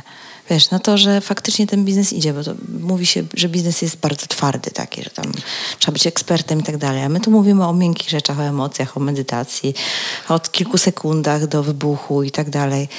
Jak myślisz, na ile faktycznie w tym całym procesie biznesowym, nazwijmy to, ta, ta, ta, ta sfera, nazwijmy to właśnie panowania nad sobą, nad emocjami, e, no przekłada się na realne efekty w biznesie? E, A ja bym, e, jeżeli mogę, zaproponował kompletnie od 180 stopni, żeby odwrócić to, co powiedziałaś. No. Dlatego, że moje przekonanie jest takie, że to, co mamy wewnątrz w nas właśnie, i emocje, Mhm. i to, w jaki sposób podchodzimy, w jaki sposób funkcjonujemy, to jest zdecydowanie bardziej twarde i konkretne i mierzalne, a sukces y, to jest zdecydowanie bardziej miękki i umowny. Bo czy sukcesem będzie dla ciebie, nie wiem, zarobienie jednego miliona, pięciu milionów, dziesięciu milionów, stu milionów, e, ile majątku zgromadzisz? E, Czy sukcesem na, na przykład dla ciebie będzie po prostu e, funkcjonowanie w szczęśliwy sposób, taki, który będzie zgodny z tobą? Przy założeniu oczywiście, że ci nie będzie brakowało na to, co potrzebujesz e, tych pieniędzy. Zawsze na wszystko mi starcza. I, i, wiesz, I dla jednej osoby to, że wystarcza jest y, sukcesem i, wystarczy, i, i super, że wystarczy, a ktoś inny będzie e, cisnął, żeby mieć y, nie 10, tylko 50 albo 100 milionów e, na koncie, bo to dla niego jest sukces. E, Natomiast ja doszedłem do takiego wniosku, że okej, pieniądze oczywiście są ważne i to jest jakiś tam miernik, który pozwala e, jakby określić, czy, mm, czy, czy, czy, czy w dzisiejszych realiach dobrze sobie radzisz i twoja firma też, czy, czy raczej niekoniecznie. Natomiast to jest, taki, to jest takie uproszczenie. E, I czasami kwestie dotyczące właśnie chociażby zdrowia, a zdrowie fizyczne i zdrowie psychiczne są bardzo mocno ze sobą połączone, są zdecydowanie bardziej istotne i cenne niż, e, sama, e, niż same pieniądze. Absolutnie. E, Jest takie też, nie wiem kto to wymyślił, natomiast e, jest takie mądre powiedzenie, że ludzie jak są młodzi, to e, zasuwają, poświęcają wszystko, żeby zarobić pieniądze. Mm, Jak już mają te pieniądze, to potem je wydają na to, żeby Się leczyć. żeby się leczyć i żeby zadbać o zdrowie, a tak naprawdę ym, generalnie jak są zdrowi, no to właśnie mogliby spokojnie sobie inaczej to zupełnie zaplanować. E, Więc ym, chyba ym, warto się zacząć od tego, żeby się zastanowić, co dla mnie jest tym sukcesem i co ja chcę osiągnąć i dlaczego akurat jest to dla mnie ważne. Tak, zdecydowanie. Natomiast zastanawiam się, czy w ogóle na pewno amerykańskie badania jakieś są. Amerykańscy naukowcy, tak. Tak, amerykańscy naukowcy. Tak, oczywiście. Oni naprawdę wszystko przebadali. Em, Natomiast zastanawiam się, na ile faktycznie te takie umiejętności właśnie takiej, no nie chcę, samokontroli, panowania, przekładają się na efekty w biznesie. Już nieważne, wiesz, na miarę taką, jaką ktoś sobie, że tak powiem, definiuje ten, ten, ten sukces. Em, bo w moim odczuciu, im, im dłużej jestem w biznesie, to mam wrażenie, że właśnie te, te rzeczy, o których teraz rozmawiamy, One o nim decydują. tak, To ja się zgadzam w pełni. że tak jakby, że jakby ten efekt finansowy, czy efekt y, no, tego sukcesu, jakkolwiek go sobie zdefiniujesz, bo teraz wiadomo, nie będziemy rozmawiać, każdy ma swoją definicję, to już powiedzieliśmy, ale ten efekt, jaki chcesz osiągnąć, jest dużo bardziej realny, jak zapanujesz najpierw nad sobą, jak tutaj w środku, w głowie, w sobie masz porządek po prostu i taki ład. Pełna zgoda. To ja się zdecydowanie zgadzam. e, i, Podpisujesz e, się. Podpisuję się, tak. A widzisz jakieś takie różnice siebie sprzed kilku lat i teraz, e, właśnie w tym kontekście, o którym rozmawiamy? Lepiej się na pewno czuję. Jak popatrzę na zdjęcie, to y, wyszczuplała nie tylko moja twarz, ale i, i generalnie jakby też jestem lżejszy o 20, pewnie 5 kilo y, mniej więcej. E, Kilka rozmiarów mam mniejsze ubrania. E, Lepiej się sam ze sobą czuję. Mm, Jestem zdecydowanie bardziej spokojny e, i, i też zadowolony i szczęśliwy z tego, co się dzieje ze mną i gdzieś tam dookoła mnie. E, Mam też e, zdecydowanie więcej e, takiego, takiej asertywności pozytywnej i odwagi do tego, żeby od razu powiedzieć, jak coś mi się nie podoba, nie dziękuję, e, nie skorzystam. I, I zadbania o to, żeby żeby po prostu no, ten czas poświęcać na to, na co, na co chcę go poświęcić. Odpoczywam też, pytałaś też gdzieś tam o samopoczucie, no to generalnie jakby mm, podróże w dalszym ciągu uwielbiam e, i to jest też jeden z takich sposobów na to, żeby się oderwać e, właśnie, czy to będzie gdzieś tam tydzień, dwa tygodnie, jak się uda, to trzy tygodnie też. E, Taki czas na to, żeby zmienić trochę otoczenie, zmienić klimat i zobaczyć, co gdzieś indziej na świecie się dzieje, co może być w jakiś sposób fajne, ciekawe, inspirujące. Dobra, to wróćmy jeszcze do tych rutyn, bo żeśmy nie dokończyli. Mówiliśmy o medytacji, mówiliśmy... Tak, jeszcze z, od, jak- od jakiegoś czasu, od kilku lat y, mm, ja jestem fanem dużym y, też inwestowania w siebie i, i takiego zwiększania poczucia świadomości Czyli rozwój. I, i rozwoju takiego też nie tylko biznesowego, ale też rozwoju osobistego y, I, i mam też pełne przekonanie, że łączenie rozwoju osobistego z biznesowym ma bardzo, bardzo duży sens. Jestem fanem Tonego Robinsa i on, y, ponieważ medytacje u niego akurat nie do końca jemu y, przypasowały, więc wymyślił coś takiego, co się nazywa po angielsku priming. Y, Po polsku, jak patrzyłem na jakieś tam różne tłumaczenia, no to torowanie to jest coś takiego, co, co było najbliższe temu, temu To jest w ogóle takie, e, wiesz, e, z psychologii e, konkretne zagadnienie, torowanie, Mhm. nie? No ale dobra, kontynuuj. Mów, co ma Jestem- Rob, Tony Robbins na myśli. Jestem właśnie, no, e, kończę czytać e, Pułapki Myślenia e, Kahnemana, więc no na właśnie. motorowaniu e, Ja skończyłam psychologię biznesu i absolutnie Kahneman to podstawa, Biblia e, tego kierunku. Przyznam, tak. że ciężko mi się go czytało, bo jakby uwielbiam Jest czytać trudne. przed snem. E, Jest dość gruby i jak przeczytałem jedną, dwie strony, to potem I tam jest dużo informacji. To na pewno nie jest książka, ale to jest też książka, którą można czytać e, wyrywkowo. kawałkami. W każdym razie wracam do primingu. Takie kilkanaście minut, y, 10-12 minut właśnie po medytacji na ukierunkowanie swojego jakby ciała, umysłu y, na dzień. To jest jakby bardzo fajny patent. Można sobie, jak ktoś angielski zna, y, można sobie w, chociażby na Czyli YouTubie... taka wizualizacja, tak? To jest połączenie kilku rzeczy. Tam jest z jednej strony kwestia wyciszenia, pracy z oddechem, e, bardzo duży taki nacisk konkretny na wdzięczność e, za konkretne różne rzeczy, które się zadziały. E, w odpowiedni sposób też, e, e, też połączenie tego z takimi e, bodźcami jakby dla, dla ciała. To jest też zwizualizowanie sobie e, konkretnie sukcesu, e, tego jaki tam dla siebie widzimy, chcemy na najbliższe tam, nie wiem, dni, tygodnie czy miesiące. E, I, e, i generalnie też takie, e, takie mm, mm, trochę podobne do medytacji, mm, taka powiedzmy e, skoncentrowanie się gdzieś tam na różnych, e, na różnych e, poziomach z energią, e, która gdzieś tam jest i którą, e, którą można się nauczyć e, w jakiś sposób, e, może nie to, że okiełznać, ale bardziej z nią się zaprzyjaźnić. E, Jeżeli ktoś ma chęć spróbować, to na YouTubie można znaleźć Tony Robbins Priming e, i po prostu sobie samemu e, spróbować, jak to, e, jak to działa. E, Dla mnie to działa bardzo fajnie, więc codziennie też to stosuję. E, No i generalnie jedna rzecz, którą e, staram się stosować, jeszcze nie do końca mi to wychodzi regularnie, e, to jest po prostu wysypianie się, bo, bo jakby mm, sen jakościowo dobry i odpowiednio długi to jest coś takiego, co też czyni cuda. I do tego ograniczenie niebieskiego światła, zwłaszcza przed snem. Tak, Podobno jest, tak. znaczy, no, Bez ekranów przez tam godzinę, Tak, dwie tak. czy trzy przed, przed snem. Ale a propos tego, to faktycznie tutaj mogę też dodać coś od siebie, bo ja z kolei również stosuję takie, no medytacja jest już moim dniem powszednim.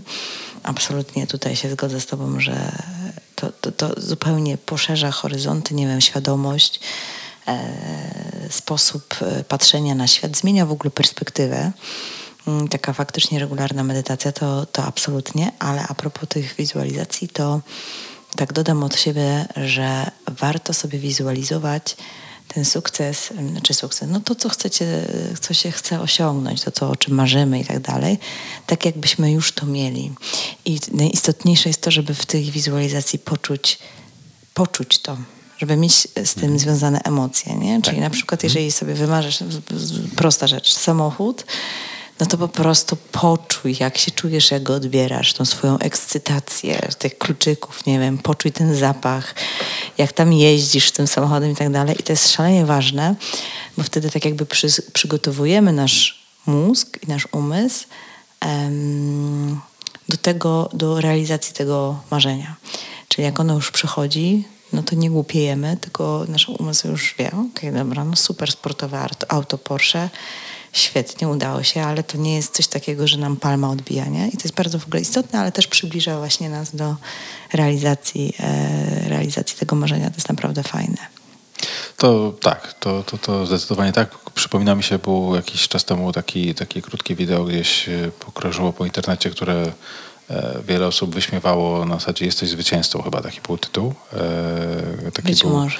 Taki był chłopak, który zachęcał do tego, żeby uwierzyć w siebie i dać sobie szansę i e, tam chyba jakiś, jakaś taka MLM-owa akcja wokół tego e, była, natomiast ludzie się z tego bardzo mocno śmiali, natomiast e, być może to była trochę jakby karykatura i trochę przerysowane, ale jakby wiele z tych narzędzi działa, o ile się w odpowiedni sposób do nich Tak, podejdzie. no wiesz co, nie wiem, czy czytałeś Joe Dispensy książkę. E, książki, on tam ma sporo tych książek, jakąkolwiek. Mam ją e, Supernatural chyba, mam Tak, na, Supernatural. to mam na, na, na górze stosiku do przeczytania. Polecam, polecam, bo tam on naprawdę tłumaczy dokładnie te, e, te jakby w ogóle chemiczne rzeczy, które zachodzą w naszym organizmie, bo emocje to są tak naprawdę jakieś konkretne związki chemiczne, które się wytwarzają.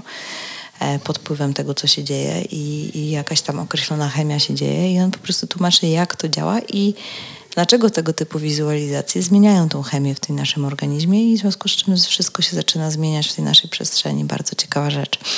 Także naprawdę e, fajne, fajnie można sobie tym pracować, zdecydowanie tak. I ja śmiem twierdzić, że można absolutnie wszystko sobie w ten sposób wymarzyć i zrealizować. Oczywiście trzeba potem trochę podziałać, żeby się to Ależ oczywiście, że tak. e, Z wizualizacją, jasną wizją, jasnym celem i e, to, Ale co to ważne, jest też tak, powodem, dlaczego Nie masz tak, że chce ci się to robić, później jak już to się tam tak w głowie tam wyobrażasz, to potem wstajesz rano i myślisz, kurczę, już to chcę zrobić. Co, mam natomiast y, to, co zauważyłem, to jest to, że po pierwsze trzeba wiedzieć, co się chce, e, bardzo dokładnie, e, a po drugie ultra bardzo ważne jest, żeby wiedzieć, dlaczego akurat tego chcę. I jeżeli jest y, mocny, solidny powód dlaczego y, i wie się dokładnie, co się chce, zdecydowanie łatwiej, przynajmniej jakby zauważyłem u siebie, zdecydowanie łatwiej jest do tego celu dążyć. Jeżeli cel jest nie do końca jasny albo powód nie do końca słuszny Tak. czy silny, to nie zadziała. Też zauważam tak, bo dużo pracuję e, z ludźmi, szkole przecież od lat i inwestorów i teraz głównie się skupiam na agentach nieruchomości, że tak taką mam obserwację, że osoby, które na przykład przychodzą na szkolenie, bo wiesz, jest gro osób, które dostaje dokładnie tą samą, e, tą samą wszyscy dostają tą samą wiedzę. Jedni coś z, tą coś z tą wiedzą robią, wdrażają i działają, A inni nie. a inni nie. No i tak zastanawiałam się nad tym, na czym to polega. Oczywiście tam jest, można powiedzieć, że tysiące różnych wymówek, e, tysiące różnych strachów, bo generalnie to o strach chodzi w dużej mierze, ale też sobie tak myślę, że często powodem jest to, że to ktoś przychodzi na jakieś szkolenie i robi na przykład, bo chce zostać fliperem, bo chce zostać agentem, bo chce zostać deweloperem i tak dalej, ale tak naprawdę myślę sobie, że to nie jest jego pragnienie takie prawdziwe. Czyli to jest tak na zasadzie takiej, bo się nasłuchałem, bo się napatrzyłem w internecie, bo naczytałem się, bo naoglądałem jakichś YouTubów, inni sobie super radzą. Wiesz, ja jest- też chcę. To ja też chcę, tak? To tak jak ja zaczynałam pracować jako agentka nieruchomości i, i, i marzyłam o jakimś tam domu z czymś tam, a potem doszłam do wniosku, że właściwie to takiego domu wcale nie potrzebuję, nie? E, i, I to w ogóle, wiesz, chodząc po prostu po tych domach, sobie się napatrzyłam i tak jakby sobie wzięłam to, ale to wcale nie było moje, nie? I, i myślę, że to jest chyba ta, ten, ten, ten, to dlaczego to właściwie to jest odkrycie, czy naprawdę to pragnienie jest moje, czy to jest coś, co mnie naprawdę uszczęśliwi, e, czy to mnie popchnie do przodu, czy nie. E, no i to jest szalenie istotne pytanie, na które sobie trzeba znaleźć odpowiedź. Tak, no nie wiem teraz, co mam powiedzieć, e, bo, bo generalnie tak, no jeżeli, jeżeli się Tak, ale- nie wie, czego się chce, no to ciężko to osiągnąć, albo się nie ma do końca sprecyzowanego e, właśnie powodu e, czy motywacji, no to Tak. nie ma co się na siłę gdzieś tam oszukiwać. e. No Pytanie, dobra. czy wchodzimy po drabinie, która jest oparta po właściwą, o właściwą właśnie. ścianę wtedy. O właśnie, o właśnie. No dobra, Kuba, powiedz mi, bo ja sobie ścią- zerkam na ściągę, bo przy- przygotowałam pytania, ale już czuję, że odpłynęliśmy w tej rozmowie, ale fajnie myślę. E, wróćmy jeszcze do tych błędów, bo jak mówiłeś o sobie, e, przedstawiałeś się, jakie masz tam inwestycje na koncie i też później rozmawialiśmy o tym, że z każdego projektu coś wyciągnąłeś. E, to porozmawiamy jeszcze o tych twoich lekcjach takich, e, wiesz, biznesowych, które sobie bardzo mocno właśnie wziąłeś e, no, z tych projektów poszczególnych, które wykonywałeś. Czyli takie ym, lekcje y, i rady, czego nie robić, albo y, na co uważać, żeby, Tak. żeby gdzieś tam nie, nie popłynąć. Wiesz albo co, mogą to być z jednej strony jakieś takie konkretne rzeczy typu, że nie wiem, jak s- załatwiasz dokumentację, to coś tam. Ale może to są, mogą być też, też jakieś takie twoje właśnie rady związane z takim szerszą perspektywą, szerszym spojrzeniem. E, Bo tak jak e, fajnie opowiedziałeś na samym początku, że czasami coś, co się wydaje na początku porażką, potem jak, jak zrobisz odpowiednią analizę, wyciągniesz odpowiednie wnioski, no to się okazuje, że to w sumie tak do końca wcale porażka nie jest, bo to, co się nauczyłeś, to twoje. To tak, no to mm, znaczy pewnie takie ultraoperacyjne wnioski, sugestie czy podpowiedzi to chyba sobie odpuścimy, bo mm, myślę, że większa wartość jest w tych, e, których nie widać e, tak Na na, pierwszy rzut oka. Mhm. I e, o tym, że trzeba dobrze wypełnić e, formularz albo napisać we wniosku to, co się chce faktycznie, a nie to, co się wydaje, że powinno być napisane, no Mhm. to jest w miarę oczywiste. Znaczy inaczej, szybko można się przekonać, jak to jest i, i, i to wcale nie, jakoś nie trzeba długo czekać na to, żeby samemu taki wniosek wyciągnąć. Natomiast jakby ciekawsze znacznie są te wnioski, których nie widać na pierwszy rzut oka. E, I Tak. tutaj mm, jest kilka takich rzeczy na pewno, bo mm, jakby zbieramy, jeżeli chcemy zobaczyć, e, to zbieramy, znaczy przynajmniej jeżeli ktoś gdzieś tam na poziomie świadomości jakimś funkcjonuje, no to, to generalnie jakby patrzy na to, co się dzieje i ocenia, czy to akurat e, było ok, czy nie było ok, czy mnie to przybliża, czy nie. A ja akurat tutaj ze świadomymi, ze świadomością, mm, znaczy lubię w świadomy sposób podejmować decyzje i funkcjonować raczej z oczami otwartymi, a nie zamkniętymi i nie jechać na autopilocie, tak jak wiele osób gdzieś tam funkcjonuje. E, Więc e, powiem tak, jeżeli chodzi o, o to, czego nie robić z punktu widzenia inwestora przede wszystkim, e, to wiedzieć dokładnie, co się chce i wiedzieć dokładnie, czego się nie chce. Na początku raczej zazwyczaj e, łatwiej ocenić, czego się nie chce, e, natomiast im więcej będziemy mieli tego, czego się nie chce e, na liście, tym też łatwiej będzie nam potem zobaczyć to, co chcemy.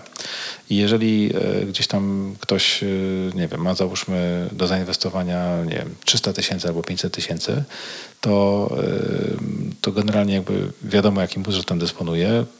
Może skorzystać z jakiegoś finansowania zewnętrznego, ale szczególnie na początku raczej bym ostrożność zalecił tutaj w stosowaniu jakichś dźwigni finansowych albo dodatkowego e, zwiększania ryzyka. Natomiast e, nie ma sensu oglądać nieruchomości za 10 czy za 15 milionów złotych, bo one mogą Tak. być super, mogą być fantastyczną ofertą, ale jeżeli się nie ma gdzieś tam możliwości czy przestrzeni, żeby taką nieruchomość e, kupić czy pozyskać, to po prostu szkoda na to czasu. Więc e, na pewno zachęcałbym do tego, żeby mierzyć siły na zamiary e, i dać e, i generalnie zacząć iść, bo jakby każda podróż zaczyna się, nawet największa, zaczyna się od pierwszego kroku i jak się będzie jeździło palcem po mapie przez lata i się nic nie zrobi, e, to się nie dojdzie nigdzie, Nigdzie. nawet do sąsiedniej miejscowości. E, Natomiast jeżeli Nawet jak się będzie wizualizować. tak, to od samej wizualizacji one są oczywiście pomocne, natomiast e, trzeba po prostu zakasać rękawy i po prostu zacząć jak, jak, działać. w kan- jak w tym kawale o tym kuponie, nie? Co, co, co, co, co ktoś tam mówi, czemu nie wygrał w totolotka, a Bóg mówi, no skreć w końcu kupon. Tak, wykup tam, wrzuć Tak, kupon. No, tak. to, dokładnie. E, więc y, wiedzieć, jakby czego się chce, mierzyć siły na zamiary i zacząć działać, y, bo, no, bo inaczej to, to, to, to się nie zadzieje. A jeszcze tak e, mi się przypomniało teraz, jak rozmawialiśmy ostatnio na live'ie, to wspomniałeś, e, takie zdanie powiedziałeś, w sumie wtedy ci nie dopytałam, ale może teraz cię dopytam, ale powiedziałeś takie zdanie, że mm, czekaj, jakoś tak fajnie to ująłeś, że, pie, że, że pierwsze inwestycje jak wychodzą z sukcesem, to, to, nie, to wcale nie oznacza, że kolejne też tak muszą. Co mia- możesz tutaj rozwinąć tą myśl, bo myślę, że tutaj może być też ciekawa lekcja. Tak, to mm, ja tak miałem właśnie, że mm, przy y, budowaniu portfeli e, inwestycji w pierwszych spółkach mieliśmy takie sytuacje, gdzie w ultra taki ostrożny sposób dobieraliśmy nieruchomości do portfela. Tak akurat mówię o działkach gruntowych, gdzie jakby strategia polegała na tym, żeby e, z, kapitału, e, z kapitału, który mieliśmy, mm, zbudować portfel kilku nieruchomości, po to, że w razie gdyby coś z jedną poszło nie tak, żeby pozostałe miały szansę na nią zapracować i żeby z, mm, zmniejszyć ryzyko inwestycji jako takiej dla, dla inwestorów.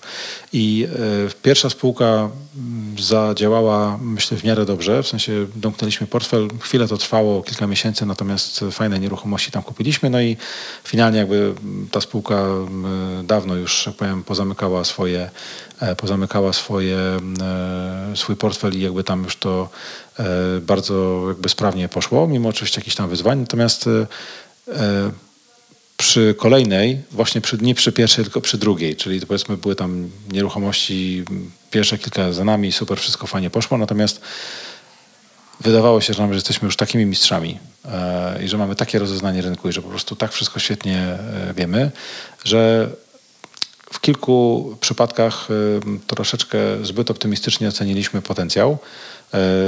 Nie przewidzieliśmy pewnych zmian w prawie, które faktycznie później nastąpiły i trochę się zmieniła też sytuacja ogólnogospodarcza w międzyczasie.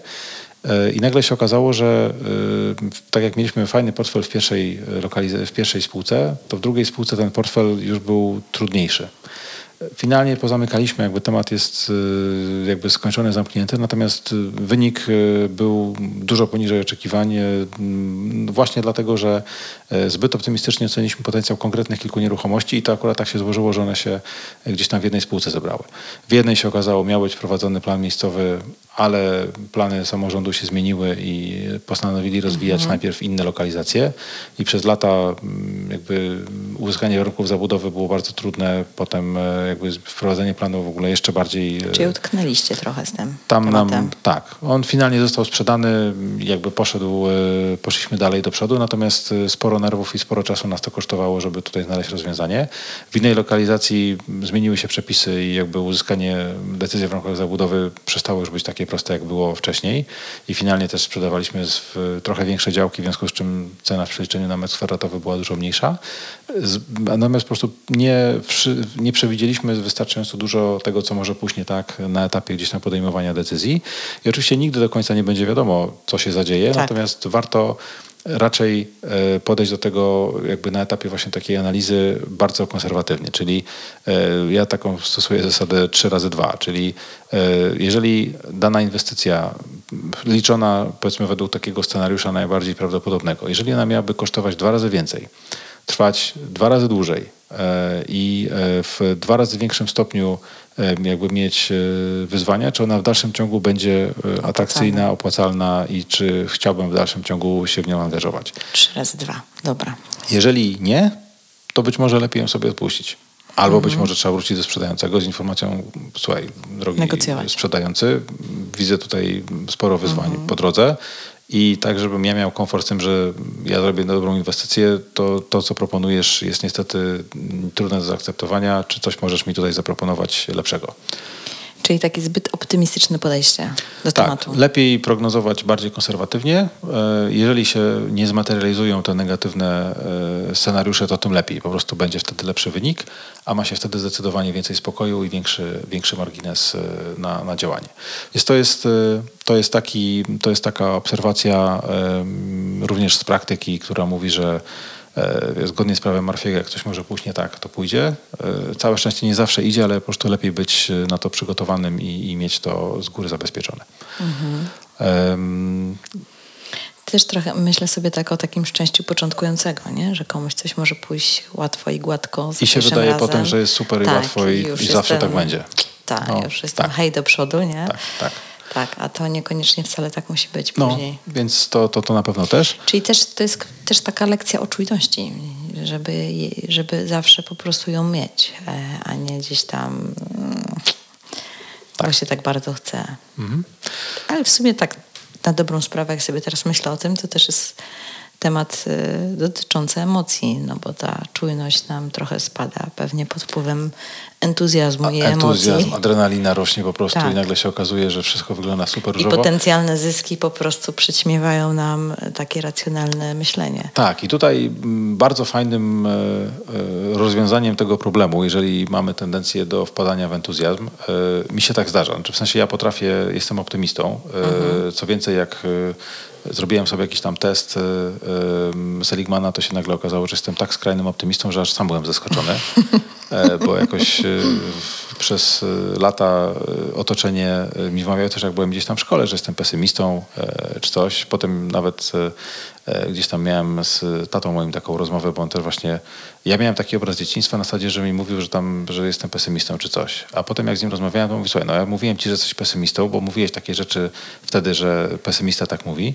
E, I mi się tak zakotwiczyło w głowie, że jestem pesymistą, że jak zrobiłem sobie ten test i się okazało, że jestem na samym końcu skali, tam chyba jakieś na 50 chyba jednego czy dwóch punktów mi brakowało, żeby mieć maksa po prostu e, na skali optymizmu, e, to byłem w tak ogromnym szoku, e, że, że aż po prostu ciężko mi było w to uwierzyć. Potem jak sobie popatrzyłem na to, co robię, w sensie własny biznes, przeskakiwanie z branży do branży wcześniej bez jakiegoś tam specjalnego planu, no to generalnie pesymista by tak nie zrobił, po prostu by się bał. E, natomiast e, e, było to dla mnie dużym odkryciem. Ja miałam podobnie tak z, introwerty, z introwertyczką. Mi się zawsze wydawało, że jestem introwertyczka, bo zawsze byłam takim cichym, spokojnym dzieckiem, wyciszonym, a w testach różnego rodzaju psychologicznych zdecydowanie ekstrawertyzm mi wychodzi to tak dosyć solidnie. I, teraz, I też byłam zdziwiona jak ty, także rozumiem, o czym mówisz, bo to też było takie, wiesz, przeniesione z dzieciństwa, nie? No i, Postrzeganie siebie. I, I teraz właśnie w kwestii tego optymizmu i pesymizmu. Jeżeli ktoś ma tendencję do tego, że wpada w super euforię i super optymizm, e, warto zapytać o radę kogoś, kto zna się na temacie, w sensie nie jest laikiem, ale jednocześnie nie jest zaangażowany emocjonalnie e, w ten konkretny temat. I, e, I po prostu zobaczyć, co on powie. E, I akurat jak oceniamy jakieś nieruchomości, trafia do, trafia do nas mnóstwo ofert jakby do zakupu właśnie jakichś różnych nieruchomości. E, I akurat robimy tak, ja zazwyczaj robię jakiś tam pierwszy, jakby pierwsze sito i, i patrzę na to, czy to ma sens, czy nie. Jeżeli jest coś obiecującego, to zanim gdzieś tam zaczniemy analizować, robić jakieś arkusze kalkulacyjne i, i zbierać jakieś dodatkowe informacje, to e, konsultuję temat e, właśnie z moim wspólnikiem, z, z Hubertem, który jest zdecydowanie bardziej krytyczny i, i też nie jest zaangażowany emocjonalnie od samego początku. Ja mam tendencję taką, wiem, że jak mi się coś spodoba, to potrafię sobie e, tłumaczyć, że to ma sens, bo, bo tu będzie tam okej, tu będzie pomocne, tutaj pomoże. E, Natomiast jak e, wiem, że mm, Hubert nie był w tym moim procesie myślowym od początku i jak gdzieś tam sobie to zdarzamy, no to nagle jest w stanie mi pokazać na iluś tam argumentach na zasadzie, czy aby na pewno tak jest, jak mi się wydaje. I często się zdarza, że, że faktycznie mm, te obawy Że jakieś tam... wyobraźnia pogalopowała. Tak, że już tu po prostu mam ten, mam, e, wiem nawet jak będzie to konkretnie Wizja wyglądało sukcesu. i już widać po prostu ten końcowy produkt e, na horyzoncie, a okazuje się, że jeszcze po drodze jest ileś kroków, które mogą sprawić, że to się w ogóle nie zmaterializuje, więc warto kogoś po prostu podpytać o to, e, co on myśli, e, żeby się gdzieś tam nie zagalopować, bo jak jesteśmy bardzo emocjonalnie zaangażowani, to potem z każdym kolejnym krokiem jest trudniej się wycofać i trudniej, trudniej gdzieś tam powiedzieć stop, to nie dla mnie. Zachęcam bardzo do tego, żeby sobie też spisać e, swoje e, jakieś takie twarde zasady, twarde kryteria e, i mieć je po prostu na kartce zapisane. Ty masz takie?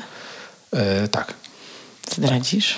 Co to masz y, wszystkich, kartce? wszystkich nie zdradzę, natomiast, y, natomiast y, kilka mogę, myślę, ujawnić, bo jakby każdy uważam, że powinien e, Mieć swoje, mieć oczywiście. swoje. Natomiast jednym z moich jest taki, że jeżeli na przykład projekt nie zarobi na pokrycie wszystkich kosztów, plus nie wypracuje konkretnej marży w wysokości określonej kwoty, to żeby nawet był super fantastyczny w najlepszym miejscu, po prostu nie wchodzimy w to.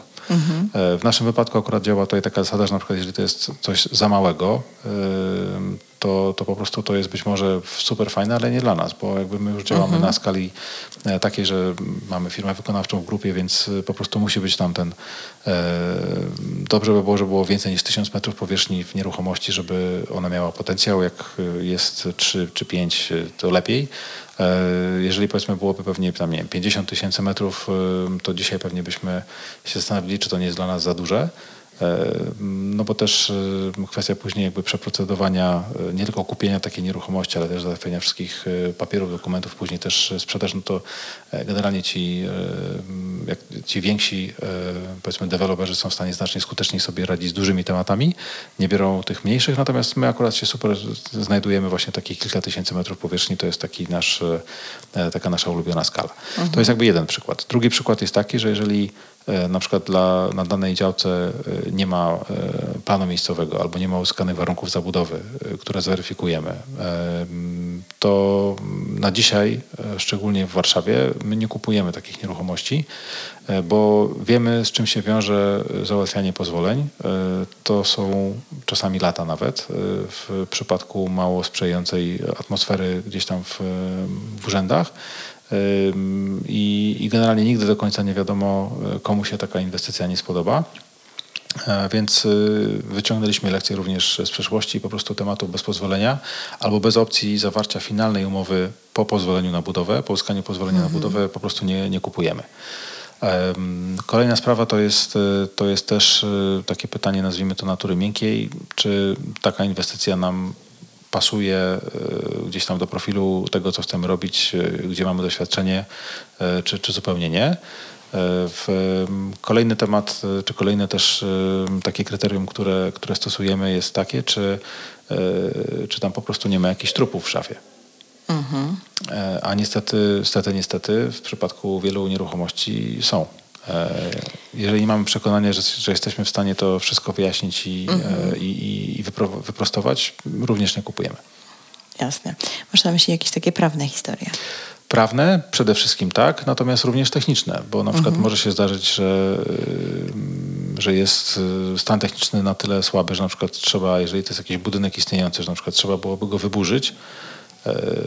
Sprzedający oczekuje zapłaty ceny za budynek y, w pełni jakby funkcjonalny, y, prawie nówka sztuka nieśmigana. No tak. E, I generalnie nie ma po prostu ekonomicznej kalkulacji tutaj zupełnie. Jasne, jasne. Coś jeszcze? Się chcesz podzielić? E, Wiesz co, czy coś jeszcze z... Mm, trzeba też, myślę sobie uczciwie odpowiedzieć na pytanie, czy będę w stanie zapanować nad, nad, nad danym projektem. E, Trafia do nas sporo ofert od e, deweloperów, którzy przeliczyli trochę swoje możliwości, albo finansowe, albo organizacyjne i podjęli się realizacji inwestycji, które po prostu były dla nich za, za duże, za trudne, za, za skomplikowane i Czyli przerosły. znowu mierz siłę na zamiary. Mhm, tak. Mhm. Dobra. E, A błędy jeszcze, bo tak em, coś jeszcze ci przychodzi z takich fajnych lekcji? E,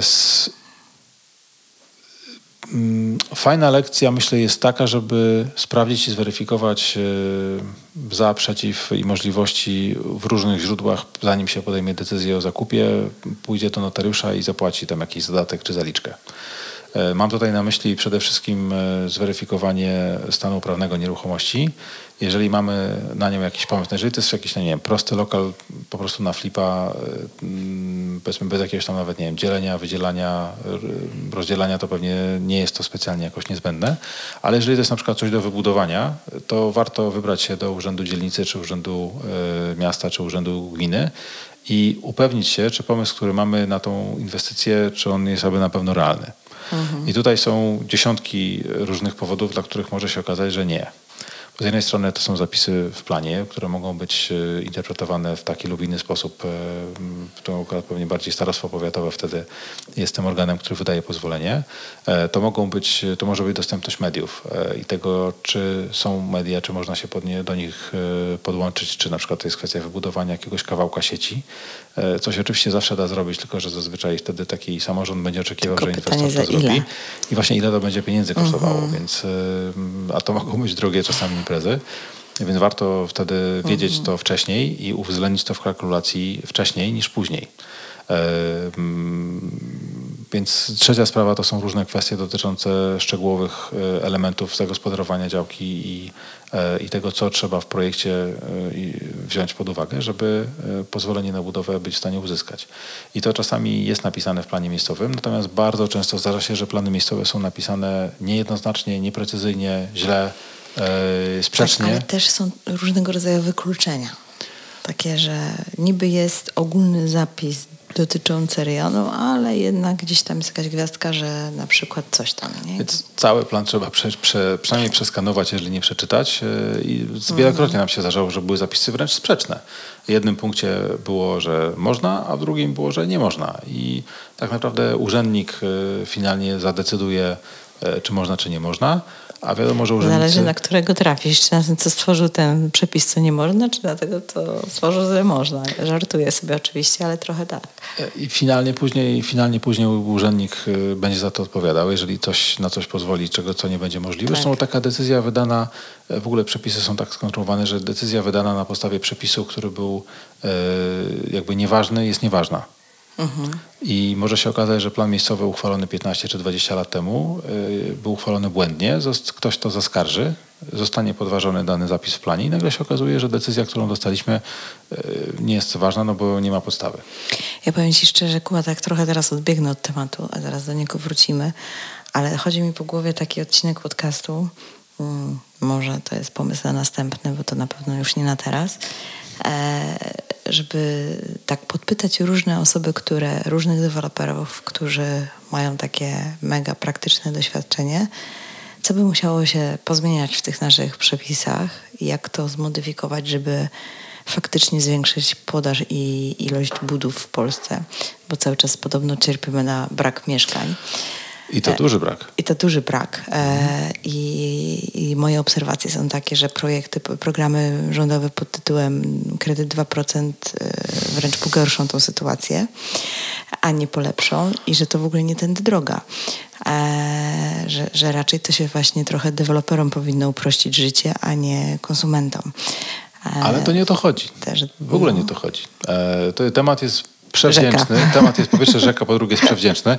Jeżeli powiedzmy tam krótką e, wstawkę możemy od razu zrobić, No to dajesz. z moich obserwacji tak, że politykom w ogóle nie zależy na tym, żeby były prostsze przepisy. E, wręcz przeciwnie. Im bardziej przepisy będą skomplikowane, tym oni będą mieli więcej do powiedzenia i będą mieli e, większą kontrolę na tym, co się dzieje. Więc dla nich to jest akurat wymarzona sytuacja, że nikt nie wie, jak, co można, O co czego nie chodzi. można i o co chodzi.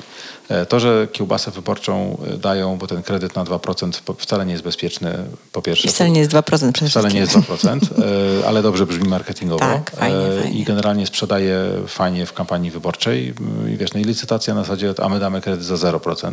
Też były takie pomysły przecież. Tak, tak, tak, Jest były. to mm, generalnie jakby widać wyraźnie, że albo tam są ci, którzy nie rozumieją, w sensie w polityce są ci, którzy kompletnie nie Problemu rozumieją. w ogóle nie rozumieją. Ja myślę, że oni problem rozumieją, tylko że ich cel jest trochę inny. Ich To cel jest prawda. taki, żeby się utrzymać przy władzy, żeby nie powiedzieć bardziej dosadnie gdzieś tam przy korycie. E, w, I im zależy na tym, na zupełnie czym innym niż zależy tak naprawdę większości ludzi, większości wyborców. Więc oni machają rączką e, pod flagami na zasadzie tutaj będzie więcej mieszkań. Nie będzie więcej mieszkań z tego działania, bo tak jak z góry było wiadomo, że mieszkanie Mało tego, będą coraz droższe te mieszkania. jest porażką, to, to, to, to generalnie to tak samo nie pomoże. To, że pompują dodatkowe pieniądze z, tak naprawdę z naszych wszystkich podatków, Tak. tych, którzy płacą. ym, Fajnie, że chcą pomóc ludziom, którzy zarabiają mniej i nie mają możliwości na to, żeby, żeby wziąć, y, kupić mieszkanie. Natomiast według mnie to jest nie tędy droga i to jest raczej zwiększanie podziałów społecznych, a nie ich zmniejszanie. E, I to jest wręcz y, deprawujące, bo, bo zniechęca do tego, żeby, e, żeby samemu się bardziej starać i, i zadbać o siebie. Przede wszystkim dla mnie to nie jest rozwiązanie systemowe. Bo nie jest, ale im nie zależy na rozwiązaniu systemowym. Im, Dokładnie, a, ale my wszyscy się na to składamy. A tak naprawdę składamy się na to, żeby komuś indywidualnie zwiększyć majątek osobisty. I to, Myślisz o politykach, to, tak? e, Nie, mówię o osobach fizycznych, które korzystają z tego programu, bo one dostają konkretne, realne dopłaty, więc teoretycznie mm, jakaś tam grupa społeczna określona w tej ustawie, która może dostać ten kredyt z tymi dopłatami, będzie miała trochę lepiej, trochę dostanie Ale kasy. jeszcze lepiej będą mieli politycy, na których te osoby, które będą miały tańszy kredyt, y, Ale oddadzą jakby głos. w, problemie mieszkaniowym się nic nie zmieni, on nadal Mhm. będzie. Tak jakby to nie jest rozwiązanie systemowe, na które powinny iść podatki wszystkich nas. W pełni się, z to, w pełni się Tak zgadzam. W pełni się zgadzam. Co więcej, y, myślę, że cały, żeby coś się skutecznie zadziało, tak naprawdę warto by było cały system nie tylko y, prawny, o, o, któ- w oparciu o który działa branża deweloperska i budowlana, ale również y, cały system y, wyborczy po prostu zaorać, wprowadzić y, odpowiedzialność Aż tak głęboko w podcaście nie pójdę, ale o tych prawnych rozwiązaniach... E, Nie, więc dlatego wiesz, to jest temat znacznie głębszy tak, Tak, naprawdę. oczywiście. Teraz y, mieszkania zrobiły się tematem bardzo medialnym i bardzo politycznym, bo rząd poległ już na wszystkich innych tematach i partia rządząca, y, których się dotknęła, y, w związku z czym ma kolejnego kozła ofiarnego, który jest na czasie i akurat padło na mieszkania, niestety, bo wszelkie działania, ja- mam takie akurat bardzo silne przekonanie, że wszelkie działania centralne, rządowe nazwijmy to próby regulacji czy do, doregulowania, przynoszą wręcz odwrotny skutek, bo zwiększają e, koszty, zwiększają e, problematyczność, e, zamiast tak naprawdę ułatwiać e, działanie. Moja teza jest taka i moje silne przekonanie, że e, politykom rządzącym, a nie tym, którzy tak naprawdę gdzieś tam w dyskusję się z nimi wdają, wcale nie zależy na tym, żeby realnie ten problem rozwiązać, dlatego żeby wtedy utracili e, argumenty i, i to, że oni są potrzebni do tego, żeby tutaj na nich głosować, bo, bo jak się będzie nie będzie na nie Nie, bo ja to sobie już wyobraziłam te billboardy wyborcze, nie? Pomagamy deweloperom. I teraz sobie myślę o tym takim Kowalskim, sobie myślę, że to ja jestem biedny. Deweloper to jest taki bogaty, jeszcze mu będziemy pomagać. To w ogóle się nie nadaje do w ogóle, wiesz, wyborczego klimatu, nie?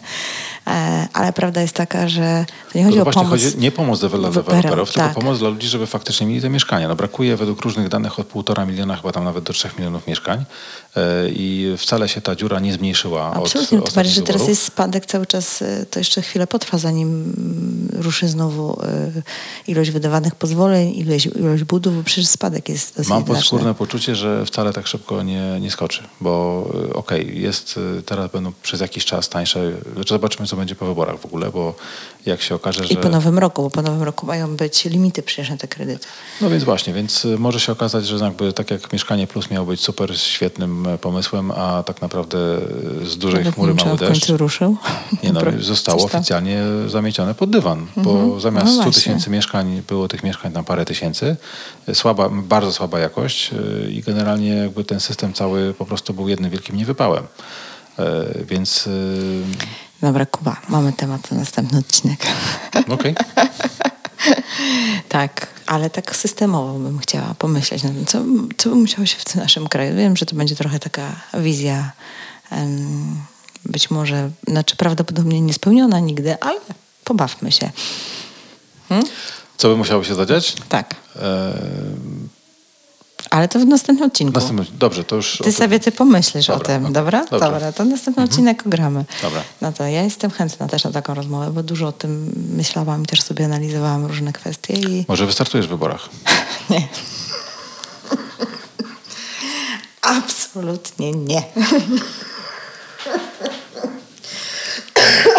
Aż mi kaszel złapał. To wytniesz później kaszę. Tak jest, kaszel wytniemy. Dobra. Hmm. Nie, wybory nie. Absolutnie. nie, zna- nie znajduję chętnych do tego, żeby wystartować, wiesz?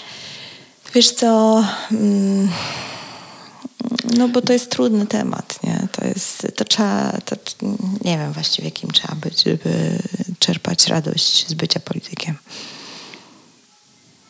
Taką życiową, nie? Bo przy, początek naszego podcastu było o tych wartościach, o medytacji, faktycznie o tej radości, rozmowę, tak, o tej radości y, z tego, co robię i tak dalej. Mm, No nie wiem, mam wątpliwości, że ten rodzaj pracy tędy- daje, tam, daje to szczęście i spełnienie, nie? dobra. A ja generalnie mimo wszystko chciałabym być w życiu szczęśliwa. Jestem. Dobra, ale wróćmy. Mhm. Więc może tak podsumowując i zapinając w klamrę tą naszą już rozmowę, bo tutaj znowu nam się dygresja zrobiła zupełnie w innym kierunku, ale, ale właśnie, słuchacze, moi drodzy, może e, napiszcie gdzieś w komentarzach, czy chcielibyście taki odcinek o, o wizji tego, co by musiało się zadziać, żeby faktycznie problem mm, mieszkaniowy miał szansę jakiegokolwiek polepszenia. Już nie mówię, że rozwiązania, ale żeby poszedł do przodu. E, ja bym się pokusiła o taką, taką próbę propozycji. Może ktoś nas wysłucha, kto wie. I może ktoś jakieś tam sk- skorzysta trochę z tego. Może jakieś wnioski będą. Ja bym się pokusiła o taką rozmowę, natomiast e, dajcie znać, czy, czy chcielibyście taką, taką rozmowę usłyszeć. Ale wróćmy do tego naszego odcinka i podsumujmy klamrą, bo chciałam Ci tak na koniec zadać jeszcze jedno takie pytanie, już tak stricte pod kątem osób, które zaczynają. E, a pytanie brzmi mm, następująco. E, Mając tą wiedzę, doświadczenie, które masz, no, oczywiście odpukam, teraz pukam celowo w lat, nie życzę ci nic złego, ale gdyby się okazało, że masz zaczynać zupełnie od zera, to w co byś, od czego byś zaczął? Mówimy o zerze kapitałowym, tak? W sensie bez y, pieniędzy. tak, z doświadczeniem, z doświadczeniem ale bez, mam dzisiaj. tak, ale bez od zera kapitałowego. No, wchodzisz na rynek po prostu e, i, i, i chcesz działać. to mm, poszukałbym e, takich e, nisz e, i takich e, m, graczy na rynku, którzy coś by chcieli zrobić, ale mają z tym kłopot. I na przykład myślę, że taką niszą, jedną z nisz mogą być na przykład e, m, inwestycje prywatne pod, z mieszkaniami pod wynajem, e, które jakby w, na naszym rynku zaczynają funkcjonują powiedzmy od kilku lat, e, natomiast w większą, w większym stopniu e, trochę się za tym, o, o tym głośniej zaczęło mówić, jak nagle kredyty przestały być dostępne i ludzie przestali być w stanie kupować mieszkania. I nagle się okazało, że jak nie ma pieniędzy na to, żeby kupić, to być może jednak ten najem nie jest taki zły. I też jest mniej ryzykowny w sytuacji takiej, gdzie, gdzie nagle się okazuje, że stopy procentowe idą do góry i nagle rata kredytu potrafi bardzo mocno wzrosnąć. E, A przy okazji, jak mieszkam dzisiaj w mieście jednym, a za rok czy za dwa będę się, chcieć, będę się chciał, czy chciała przeprowadzić do, na drugi koniec Polski albo gdzieś wyjechać w ogóle do pracy za granicę, to to, to ja wcale nie muszę mieć tego mieszkania i nie muszę mieć tego problemu na głowie, co z nim teraz zrobić, kto ma mi tutaj się nim zaopiekować. E, Więc y, mm, to jest ta taka nisza właśnie z tymi, z tymi e, więc po prostu bym poszukał e, takich partnerów, którzy by chcieli takie mieszkania pobudować i zrobił to razem z nimi albo dla nich. E, Bo jakby mm, wiem, e, jak ten rynek działa dzisiaj już, e, wiem, że jest potrzeba. Jest jednocześnie bardzo trudno kupić jakiekolwiek fajne nieruchomości czy fajne inwestycje, które by, które by miały tutaj potencjał. A, a są ci, którzy by chcieli, no bo jakby u nas nieruchomości pod wynajem zarabiają znacznie więcej niż w Europie Zachodniej. Czyli rynek najmu. Rynek najmu albo, albo bardziej rynek powiedzmy pośrednictwa e, przy większych inwestycjach, które dla inwestorów e, takich trochę większych e, mogłyby być ciekawe. To myślę, że jest taki, taka jedna nisza. Albo, ale generalnie też jakby kupowanie i przeznaczanie pod wynajem nieruchomości w, mm, to też myślę, że może być ciekawe w, albo w skali takiej pojedynczej lokali, czy w skali mikro. Nawet taki mikro, nie? Czyli Albo- jakaś taka firma, która łączy zarządzanie z, plus z przygotowaniem na przykład mieszkań pod wynajem. Czyli Mhm. na przykład ktoś ma prywatnie mieszkanie po tej przysłowiowej babci i, i trzeba je przygotować do najmu. E, I myślę, I że też... cały taki proces mikroinwestycyjny na przykład. Tak, to myślę, że tak. I myślę, że też y, jest potencjał w obsłudze lokali, które są wynajmowane. E, dlatego, że wprawdzie jest kilka firm, które jakby oferują e, i mają jakoś tam w miarę już rozbudowane portfele, no ale jeżeli weźmiemy pod uwagę, że są miliony mieszkań e, tak naprawdę e, w Polsce dziesiątki tysięcy w każdym mieście, Wiesz, naprawdę jest taka, że to jest jak z kolejnym biurem nieruchomości. Też mnie się często pytają, czy jest jeszcze miejsce na kolejne biuro. No niby jest dużo biura, ale ileż jest mieszkań, ile jest klientów do obsługi. Każdy gdzieś mieszka. I obsługa najmu dla wielu osób jest to mordęga i kłopot, y, a tutaj mm, jak się wie, jak to robić, to to, to jest bardzo potencjalnie bardzo wdzięczny y, kanał, tym bardziej, że z tego co widzę y, dobrych dostawców i dobrych partnerów to sobie klienci chętnie polecają, więc Tak. bez dużych nakładów na marketing metodą właśnie takiego właśnie I w ogóle bez dużych nakładów na rozwinięcie tak. takiej firmy. Można spokojnie było, myślę, tutaj e, rozpocząć. Wyzwanie na pewno byłoby na początku zdobyć pierwszych kilku, kilkunastu klientów, ale mając ich e, zdecydowanie potem już byłoby łatwiej. Super. Coś jeszcze ci przychodzi do głowy? To jest M- twoja... Może, może powiem w ten sposób. Znaczy, na rynku nieruchomości można zrobić świetne y, deale i świetne transakcje i świetne interesy tak naprawdę w każdym momencie. I jak jest y, hossa, jak jest bessa, jak Mhm. rynek idzie do góry, jak rynek idzie do dołu, trzeba, czy warto zachować czujność y, tutaj również.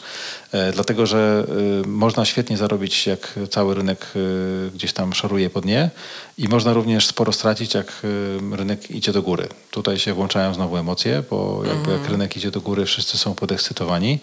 E, Jak gdzieś tam szoruje po dnie, to wszyscy są w strachu i, i, e, i generalnie się bronią przed tym, żeby nie popaść gdzieś tam w jakąś paranoję i, i e, nie zacząć wariować. Więc tutaj kontrola emocji to jest e, klucz. E, I e, gdzieś słyszałem takie mm, mądre powiedzenie, czy nawet gdzieś e, to, co robimy w inwestycjach, to jest e, odpowiednio zbalansowanie chciwości i strachu. Mhm. Balans chciwości i strachu rozwiń. To już mi się podoba. Myślałem, myślę od, nad drugą książką i gdzieś miałem właśnie nawet taki e, roboczy pomysł e, i tytuł na to, żeby ją w, tą, w, w ten sposób gdzieś tam ukierunkować, bo Wiesz co, no, ale y, powiem ci, z czym mi się to kojarzy, jeżeli chodzi o, o, rynek pośrednictwa, ale zaraz, zaraz dokończ myśl E, swoją. To ja- z perspektywy inwestora. E, Inwestor generalnie ma pieniądze, ma nie za dużo czasu albo trochę czasu e, i generalnie jakby chciał z tymi pieniędzmi by zrobić coś takiego, żeby one mu jak najwięcej zarobiły. E, Jednocześnie by chciał, żeby nie stracić, żeby w jakiś tam sposób to było zabezpieczone. Więc generalnie mamy parametr chciwości, no bo jakby im więcej zarobię, e, tym chcę zarobić jeszcze więcej. E, Więc e, jak mi inwestycja wypracuje, załóżmy tam 10%, to fajnie. Jak mi wypracuje 12%, no to w ogóle jeszcze lepiej. Jak e, 14, czy, czy załóżmy 15, czy, czy, czy więcej, no to w ogóle już jest super. Szałciał. Natomiast z drugiej strony, jeżeli popatrzymy na to, jak do tego tematu podejść na zasadzie, ok, no dobrze, to wypracuje mi te, załóżmy tam 12% albo 10%, natomiast e, pytanie, czy mi wypracuje? E, Czy coś może się wydarzyć takiego po drodze, że jednak ja nie dostanę swoich pieniędzy? E, Więc to jest ten element właśnie na zasadzie, co może pójść nie tak, czyli element ryzyka. I e, wyzwaniem, myślę, jest, wielu inwestorów też podchodzi do tego w ten sposób, ok, to ja idę w kierunku tych jak najbardziej e, agresywnych inwestycji, w sensie wolę te 12, 14 czy ileś tam procent. I albo nie myślą wcale, albo dopiero w drugim roku myślą nad tym, e, nad tym, jak ja się zabezpieczę, jakie ryzyka w ogóle są, czy to się materializuje, czy nie. A moje z kolei podejście jest takie, że lepiej zacząć od zabezpieczenia ryzyka najpierw i e, zadbać o to, żeby mieć spokojną głowę e, i żeby przy możliwie jak najmniejszym ryzyku zarobić możliwie jak najwięcej. No tak. I, I żeby faktycznie zabezpieczyć tę inwestycję chociażby na tym minimalnym pułapie zysku, e, niż od razu się chapać na... Chociażby niech nie e, będzie no. straty. Tak. Wiadomo, że przy inflacji, jaką mamy dzisiaj, to brak zysku powoduje stratę tak naprawdę. Natomiast tak czy inaczej, jeżeli wiemy, że nie stracimy nominalnie, to i tak jest to duży To ja powiem Ci taką historię swoją, ze swojego osobistego doświadczenia. To zachodzi o, a propos chciwości i ryzyka. E, sprzedawałam nieruchomość e, na górce w 2006 roku. I oczywiście wtedy nieruchomości się super sprzedawały i w ogóle wszystko szło. Więc co zrobiłam? Wywaliłam cenę w kosmos. Wiadomo, na pewno się sprzeda w ogóle nieruchomość, bo wiesz, w centrum Sopotu w ogóle super piękne mieszkanie, w ogóle ekstra, nie? Piękne, no w ogóle ekstra. Po czym sprzedałam po prawie trzech latach, kiedy przeszliśmy rok 2008, załamanie się rynku i ja i tak na niej zarobiłam, żeby była jasność, bo ja ją kupiłam w 2003 roku, więc tam po tym czasie i tak miałam tam sporo do przodu. Natomiast lekcja moja jest taka, a propos chciwości i ryzyka, że gdybym wtedy wystawiła w tej cenie takiej na ten 2006 rok, Fajnej, ale bez, nie przesadzonej. nie przesadzonej, ale takiej normalnej bym powiedziała, to bym była o jakieś 150 tysięcy do przodu. No, na pieniądze. tak. Gdzie wtedy to w ogóle jaka to była wartość, nie? Niż cena, którą, którą zrobiłam, e, którą dostałam mm, po tych tam trzech latach, gdzie jeszcze trzy lata tak naprawdę czekałam na klienta. I tak sukcesywnie musiałam tą cenę obniżać. A, więc to jest taka moja bardzo mocna lekcja a propos właśnie chciwości. E, I, I też ją bardzo często opowiadam tą historię klientom moim, którym, których gdzieś tam reprezentuję, że cena powinna być realna, na tu i teraz, a nie na jutro. Pełna zgoda. Generalnie jakby przykład z, naszej, z, mojego czy z naszego doświadczenia dotyczy działki. Mieliśmy taką ofertę w, miejscowości Żabia pod Warszawą i działka fajna, ale bez wodotrysków.